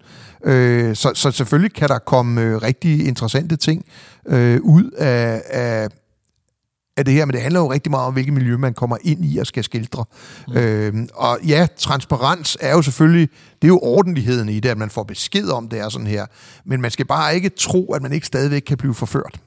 Altså, mm. øh, der er masser af, af, af midler. Altså, øh, ambassadøren er jo en... Øh, Altså, der var jo to mennesker, efter jeg læste Ambassadøren, så var der to mennesker, jeg satte meget højere end før jeg læste den. Det var Michael Laudrup og Jacob Kvist. Altså, det er jo ikke tilfældigt. Det er jo forfatteren og ham, der handlede om, ikke? Altså, øh, jeg kan da huske i rigtig gamle dage, jeg er jo så gammel, så jeg kan huske det her, der Sepp Piantek og Søren Lerby og alle de der kommer frem, hvor de første gode danske sportsbøger sådan i en ny genre, Sten Ankerdal og, og hvad hedder han, øh, Elle, og Lasse Ellegaard, Nå, Lasse Ellegaard, ja, ja. Fodbold er ikke for de stumme, ja, ja. og de der sådan bøger der, øh, øh, kommer frem, hvor man sådan sidder og tænker, wow, altså sådan kan fodbold også ses, ikke? Øh, og det er jo almindeligt anerkendt, tror jeg, at, øh, at der var journalister i den danske pressestand, der, der kunne skrive øh, interviews med Michael Laudrup, uden at have talt med ham, tror jeg nok, øh, hvis bare de sørgede for, at han så, han så fornuftig ud, ikke? Øh, og og øh, så, altså, øh, det, det er igen det her med, at sandheden, den, hmm, altså findes den? Jeg, jeg kommer i tanke om en anden bog, som jeg selv, som jeg synes er meget, meget interessant, fordi den er også blevet meget berømt. Det er Løvekongens fald, tror jeg, den hedder, af øh, hvad det hedder, Morten, øh, altså øh, den her bog, hvor Flemming er på forsiden, med, med, hvor han sidder på en løve, og, øh, og som jo... Øh, som jo langt hen ad vejen også fører til de her sådan, øh, sager omkring... Ja, det er Morten øh, Jonsen og Kasper Morten Jonsen, lige præcis. Ja, lige præcis. Kronbergs. Ja, øh, og der beskriver de et miljø, jeg er 100% inde i.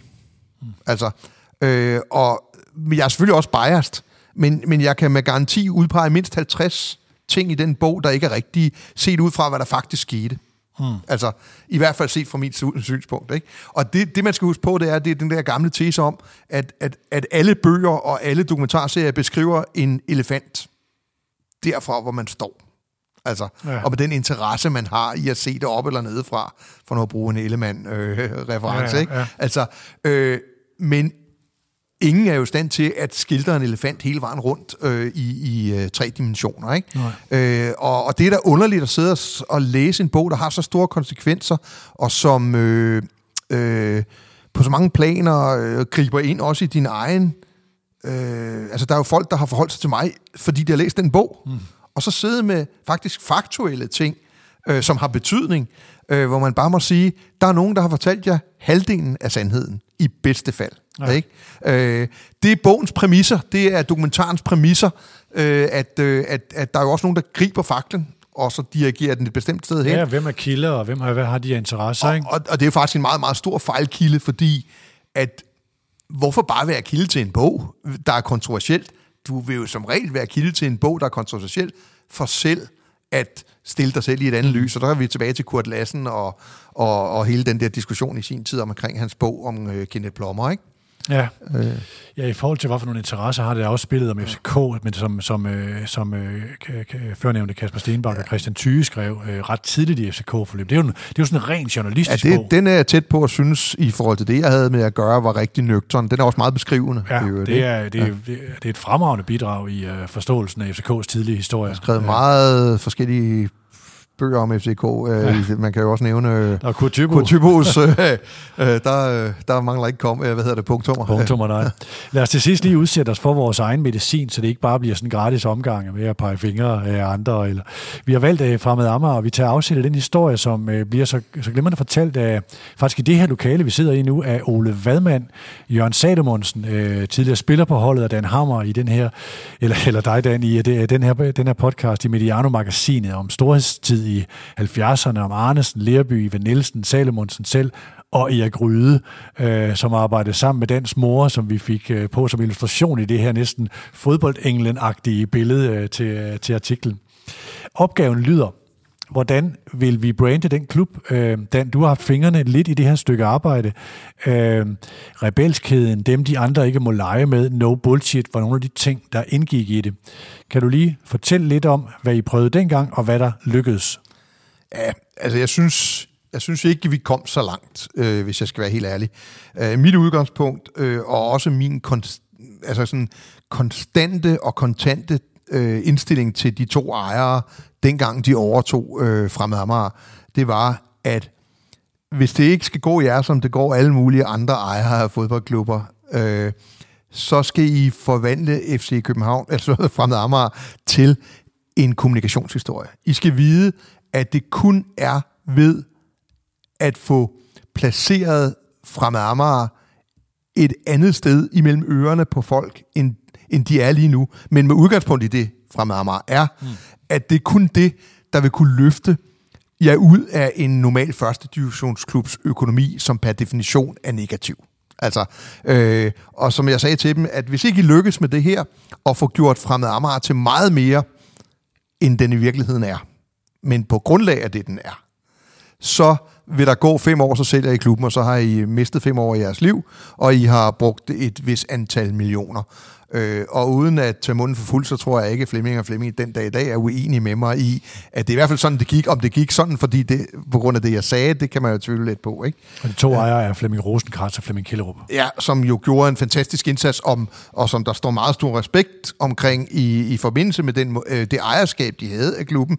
Men, men øh, og det er jo også fint, de løftede en række, slet ikke det, øh, men, men det blev jo ikke en ny positionering, som rakte ud over øh, den gamle i særlig høj grad.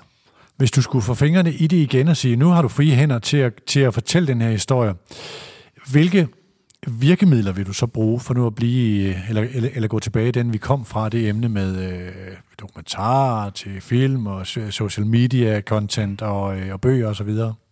Jamen altså, altså, du er nødt til, hvis du, altså, hvis du virkelig skal, hvad hedder sådan noget, gear en klubs brand, altså, øh, og, og nu skal jeg jo passe på, at vi ikke ryger over i sådan noget forlorenhed, altså, mm. men, men hvis man nu siger, at du tager noget, der virkeligheden er, og så gør du det synligt for mange flere på en måde, som alle folk kan acceptere. Altså, øh, og det har en kommersiel betydning, fordi i sidste ende handler det her om, at klubben skal få råd til at blive bedre sportsligt. Altså, det er hele meningen med det. Øh, men du kan ikke sælge ud af din sjæl, men du kan godt tage din sjæl ud og sælge den. Øh, eller sætte den på markedet i hvert fald i en eller anden forstand. Øh, så, så, kan man jo sådan, så skal man jo ind til, hvad er en klub? Altså, og det er klart, at alle klubber er først og fremmest noget lokalt. Det, det er det, som fodboldklubber har. Øh, det kan godt være, at vi er mange, der ved, at Coca-Colas hovedkontor hvis nok ligger i Atlanta, men det har ikke en stor betydning for Coca-Cola. Det betyder rigtig meget for OB, at den ligger i Aalborg. Mm. Altså, øh, og det er både et, øh, det er både et aktiv, men i nogle tilfælde kan det også godt være et, øh, noget, der pacificerer. Altså, at man får alligevel så meget brand øh, værdi for ærende kvæg øh, lokalt øh, tilhørsforholdet, øh, at man nogle gange aldrig kommer videre.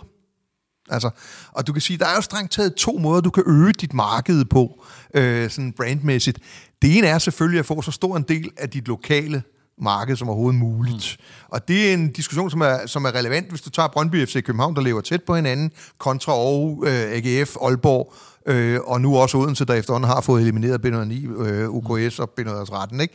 Altså, øh, og det andet er så, om du kan øh, med troværdighed erobre øh, en position hos i går så en fans eller kunder, eller hvad den nu vil kalde det, som ikke nødvendigvis køber ind til det lokale, eller som måske endda har en anden lokal forankring, øh, som de mm. også udtrykker i form af en vination for en fodboldklub. Det vil sige, at du står for et eller andet, som du i det her postmodernistiske informationssamfund er med til at give et billede af dig selv og hvem du er. Altså noget selvrealisering. Vi er relativt højt oppe i behovspyramiden her, ikke? Men øh, altså noget, der giver dig noget mere. Jeg ved godt, at jeg bliver mere hipster, hvis jeg skriver, at jeg har været i Sundby Idrætspark i går, for eksempel. Nu tager jeg sådan mm. et eksempel på et marked fra Amager række ud efter. Ikke? Men du skal gøre det med udgangspunkt i det, klubben er, for ellers så får du det her sådan brand-sammenstød, som i virkeligheden gør større skade, end det gør godt. Så at for eksempel at forsøge at pusse Fremad Amagers position op ved at prøve at gøre, ligesom man gør i FC København, eller antydningsvis forsøge at være det nye FC København eller et eller andet andet, det ville aldrig virke, fordi folk ville med det samme sige, hey venner, det går simpelthen ikke. Det vil heller ikke være risikoen. Risikoen ville være, og det er også det, jeg synes, man endte i, at man prøver at gøre det ligesom alle de andre typer af klubber, der har lidt de samme, øh, hvad hedder det, karakteristika, øh, som fremad Amager. Men du er nødt til at tage dem, og så er du nødt til at gøre noget specielt ved dem, for ellers bliver det bare ligesom alle de andre. Mm. Og de ting, der er ved fremad Amager, tror jeg, og jeg er igen biased, øh, og hvis der er noget, jeg er biased omkring, så er det fremad Amager, mm. ikke? Og Amager. Men jeg tror nu alligevel godt, jeg kan se igennem det, jeg tror også, der er en almindelig accept af, at ja, det lokale er der, men det sjove ved det lokale her er jo, at det er en ø i en stor by. Altså, øh, der bor 204.000 øh, mennesker på Amager. Ja, altså det er jo... Øh, det er mange, ja. Det er rigtig mange ja. mennesker, hvis man så ser på det, men rigtig mange af dem bor jo i virkeligheden i København. Altså, ja. ikke? Øh, en ø er en fantastisk ting, fordi den er naturligt afgrænset. Øh, om det så kun er på 50 meters havneløb, havneløb altså, øh, så, er den, så er den afgrænset. Ikke? Så det skal man selvfølgelig bruge. Øh, alt andet lige vil være vanvittigt. Men så skal man selvfølgelig også bruge den DNA, der består i, men hvad er Amager i virkeligheden, udover at være en fysisk ø? Altså, øh, og der er det jo sådan, at forskellige årsager øh, har folk... Al branding handler om at få folk til at forholde sig til dig. Og dernæst at få dem til at få en følelse i forhold til dig. Vrede eller kærlighed eller noget af den stil. Og det er sådan, at med Amager, der er... Øh, det er jo ikke sådan en ukendt ø. Altså, det, er, det er sådan en ø, som folk har mere eller mindre øh, dybtliggende holdninger til. Øh, nu, altså Lorteøen, som, som mm. både Salle og jeg og Ole jo vedkender os. Altså, mm. og, og som har det oprindelige udgangspunkt, at det var rent faktisk her, at, øh, at, øh, at byens efterladenskaber blev afleveret på et eller andet tidspunkt, og så blev det brugt til gøding til grøntsagerne, så det kom tilbage igen til byen, ikke? på et eller andet tidspunkt. Og, og, og dermed er Amager jo langt hen ad vejen blevet sådan et slags øh, uhøjtidligt sted. Altså, øh, hvor man, man havde den der underlige kombination af, jeg holder enormt meget af noget, som alle andre ikke synes er særligt meget værd. Altså, Men det er jo en identifikation af kernen Ja, det er det. I men... en kulturinstitution, eller skal, er det der, man skal hen for at sige, vi skal, vi, vi skal finde ind til det, den surdej, som i virkeligheden skal blive til brødet, når vi laver fortællingen? Ja, den position, som du naturligt og troværdigt øh, set med andres øjne ejer. Altså, som, ja. som man kan gøre mere ud af. Vi kan jo også oversætte til et kommersielt produkt. Coca-Cola var ikke den første cola. Altså, øh, Starbucks var ikke den første kaffebar men de har alligevel taget nogle ting, som gør, at, at det har en kommersiel værdi for dem, øh, af deres brand. Ikke? Altså, mm. øh, og jeg tror stadigvæk, at, at, at den ene cola smager bedre end den anden og sådan nogle ting. Ikke? Øh, Nå, og, og på samme måde er det med en fodboldklub, at hvis den virkelig skal, hvis den virkelig skal positionere sig stærkt, og der bliver, St. Pauli bliver tit brugt som et eksempel på en klub, som, hvor det jo ikke er resultaterne, der gør, at rigtig mange uden for Tyskland kender St. Pauli.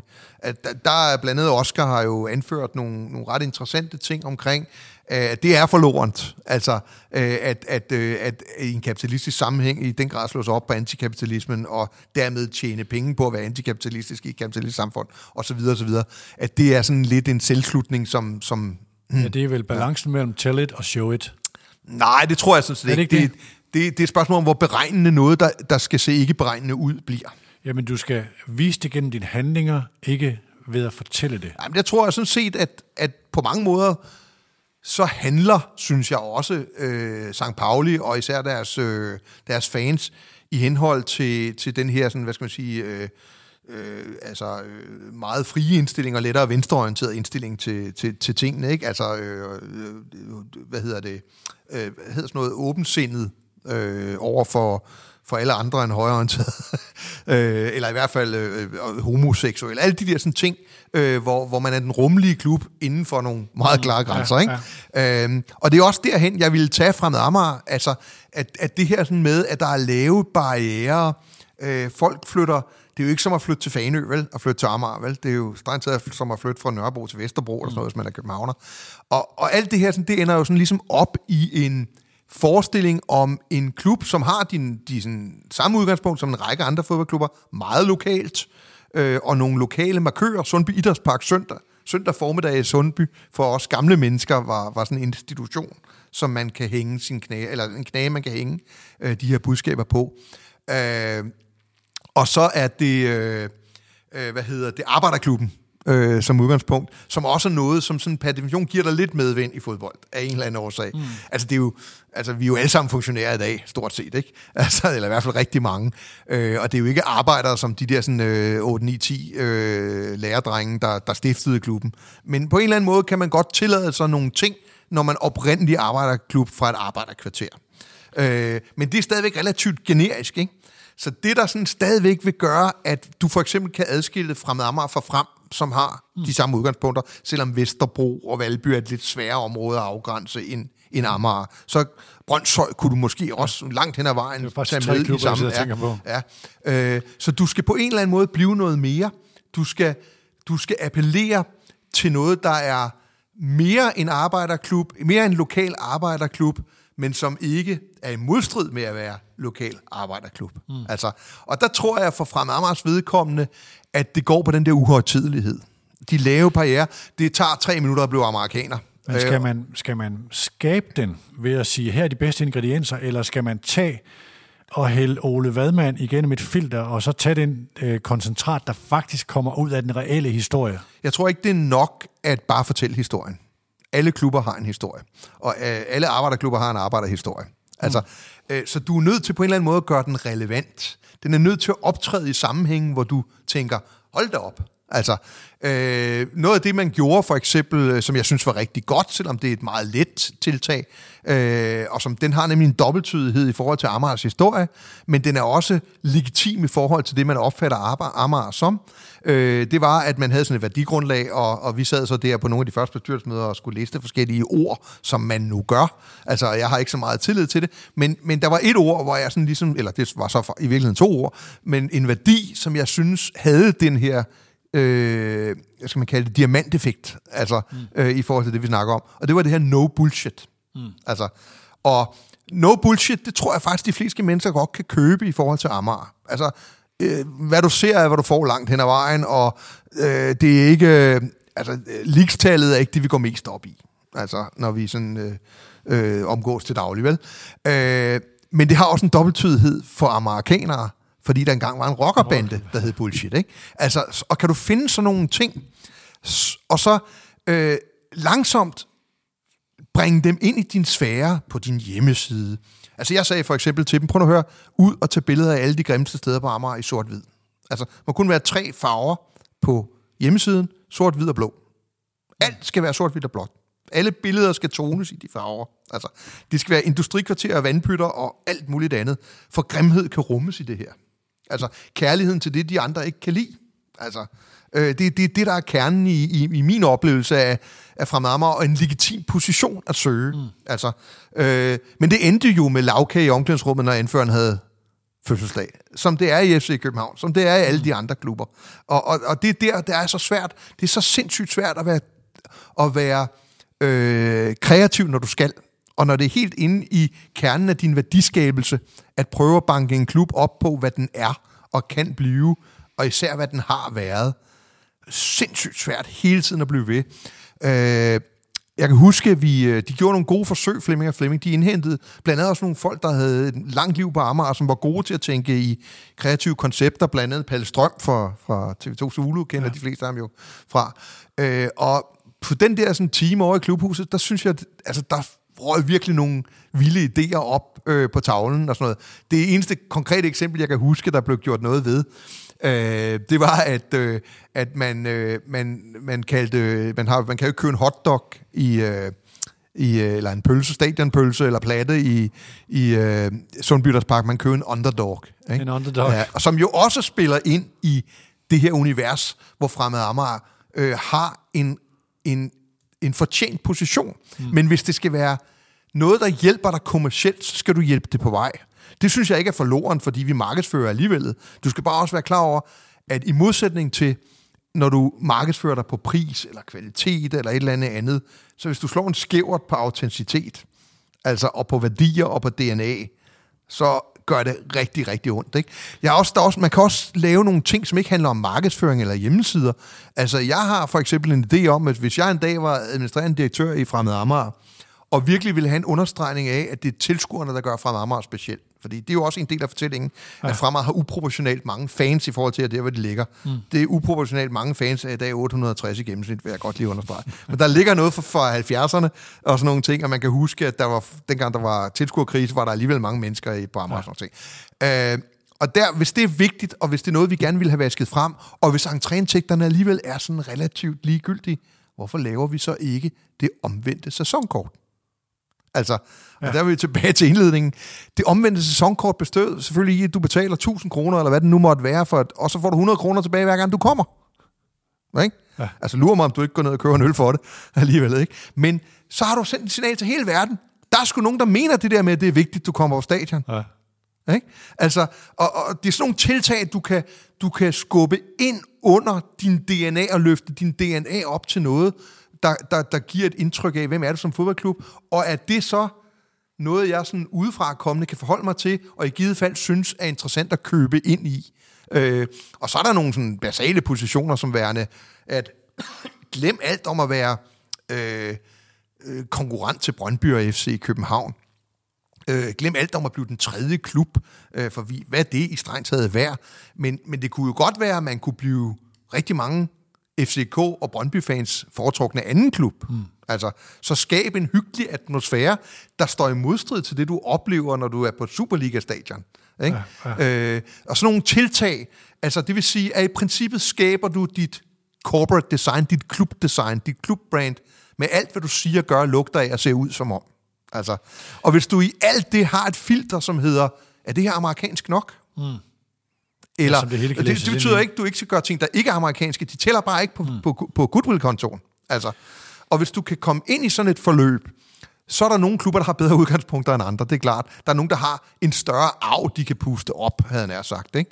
Øh, Vi skal lige have den anden del af cliffhangeren. Du sagde ja, Magritte. omvendte sæsonkort, og så var det Magritte. Ja, det er mere for det her sådan billede af, at det du ser er ikke, altså det er ikke det. Altså, øh, historien er jo at, det her berømte billede, hvor, han, hvor, hvor jeg kan ikke fransk øh, se, se et eller andet, ce n'est pas un pipe, eller et eller andet, ikke? Altså, det der er ikke en pibe, står der, og så er der et billede af en pibe. For det er det jo ikke, det er et billede jo, med en pibe. Altså, og, og det er jo sådan, man også skal tænke, når man tænker brandmæssigt. Altså, det er jo det, er det jeg kalder metaproduktet, vi arbejder i. Der er selve kerneproduktet, fodbolden, klubben, øh, og især fodboldholdet. Og så er der alt det andet, vi knytter til produktet i gåseøjne, øh, som er metaproduktet. Og det er det billede, vi selv danner, når vi ser et billede af en pibe. Så skal vi ligefrem mindes om, det ikke er en pibe. Så meget tror vi på billedet. Ikke? Og, og det er enormt stærkt, og det er i virkeligheden det, som rigtig meget øh, hvad hedder det, markedsføring og branding og andet går ud på, det er jo at, at, øh, at få skabt det her billede af, af, som er meget, meget større end selve kerneproduktet, og som siger mig noget, jeg gerne vil købe ind i. Ikke? Den, vi, øh, jeg ved ikke, om vi lovede hinanden, vi ikke skulle over to timer. Vi er, på, vi er rundt to timer og 12 øh, nu her, mens jeg taler. Jeg tror også, vi er ved at være... Er du, øh, er du ved at være i mål med Fremad Amager? Jeg har ikke helt fundet ud af, hvilke virkemidler jeg vil smide ind i det, men jeg, jeg sidder og tænker på Frem og Brøndshøj jeg har, jeg har faktisk en, Amager, en som- fjerde sidste ting, mm. og det er, fordi den appellerer rigtig meget til gamle amerikanere, men det er, det er retro, og det er guldalderen. En hver fodboldklub har en guldalder, som man med... ja, De fleste fodboldklubber har en guldalder. Øh, fra Marmars tilfælde er det kendetegn ved, at der ikke var noget som helst guld involveret, men det er jo Frank Ejens og Søren Lerby og Ivan Nielsen-tiden der, Ja, ikke? ja. I 70'erne. Øh, og, og der er også nogle point der at hente øh, ved at referere øh, til sådan nogle ting. Altså, man har jo set øh, klubber, man kan jo for eksempel spille i det tøj, man gjorde i den gang. Øh, man kan prøve at se, at man kan få den samme sponsor og sådan noget. Jeg drømmer jo stadigvæk om fra mamma med OK på brystet, fordi sådan var det, da jeg var ung. Ikke? Ja. Øh, og jeg vil gerne se dem i blå trøjer med hvide ærmer, for sådan var det, dengang jeg var ung. Ikke? Øh, så det var bare lige en lille tidsspring. Det var, det var de fire ting. Altså, øh, det lokale, ligesom alle andre, men med fokus på, at Amager er noget specielt. Øh, øh, og uhøjtidligt, mere end bare et fysisk sted. Ja, ja. Altså, øhm, og ikke noget med, at der er noget, der er i vandet, for altså, Nordkraft, det er jo bare per definition, fordi nordjyder er seje, eller sådan noget. Altså, det er ikke det dårligste eksempel, det er faktisk et meget godt eksempel mm. på noget, som vi accepterer nordjyder som værende. Ikke? Øh, og så var det, øh, altså, øh, øh, Arbejderklubben, og så var det øh, retro, ikke?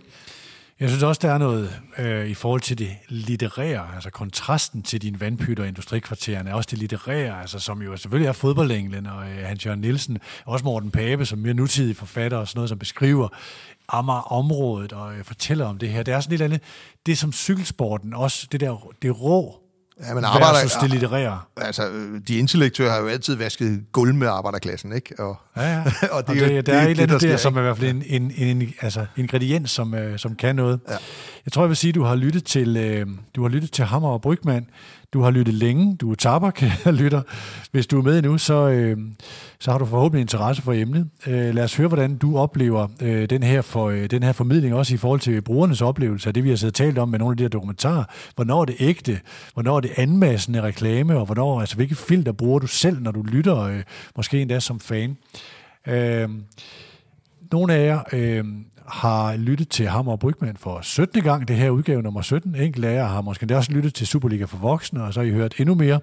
Derfor den største tak til jer, øh, der er med os. Øhm, den er jeg tilbage i næste uge, faktisk, i, øh, i, som en del af Superliga for voksne, øh, hvor vi kommer sidst på ugen i næste uge.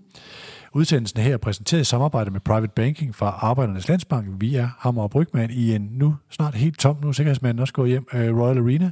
Vi høres ved.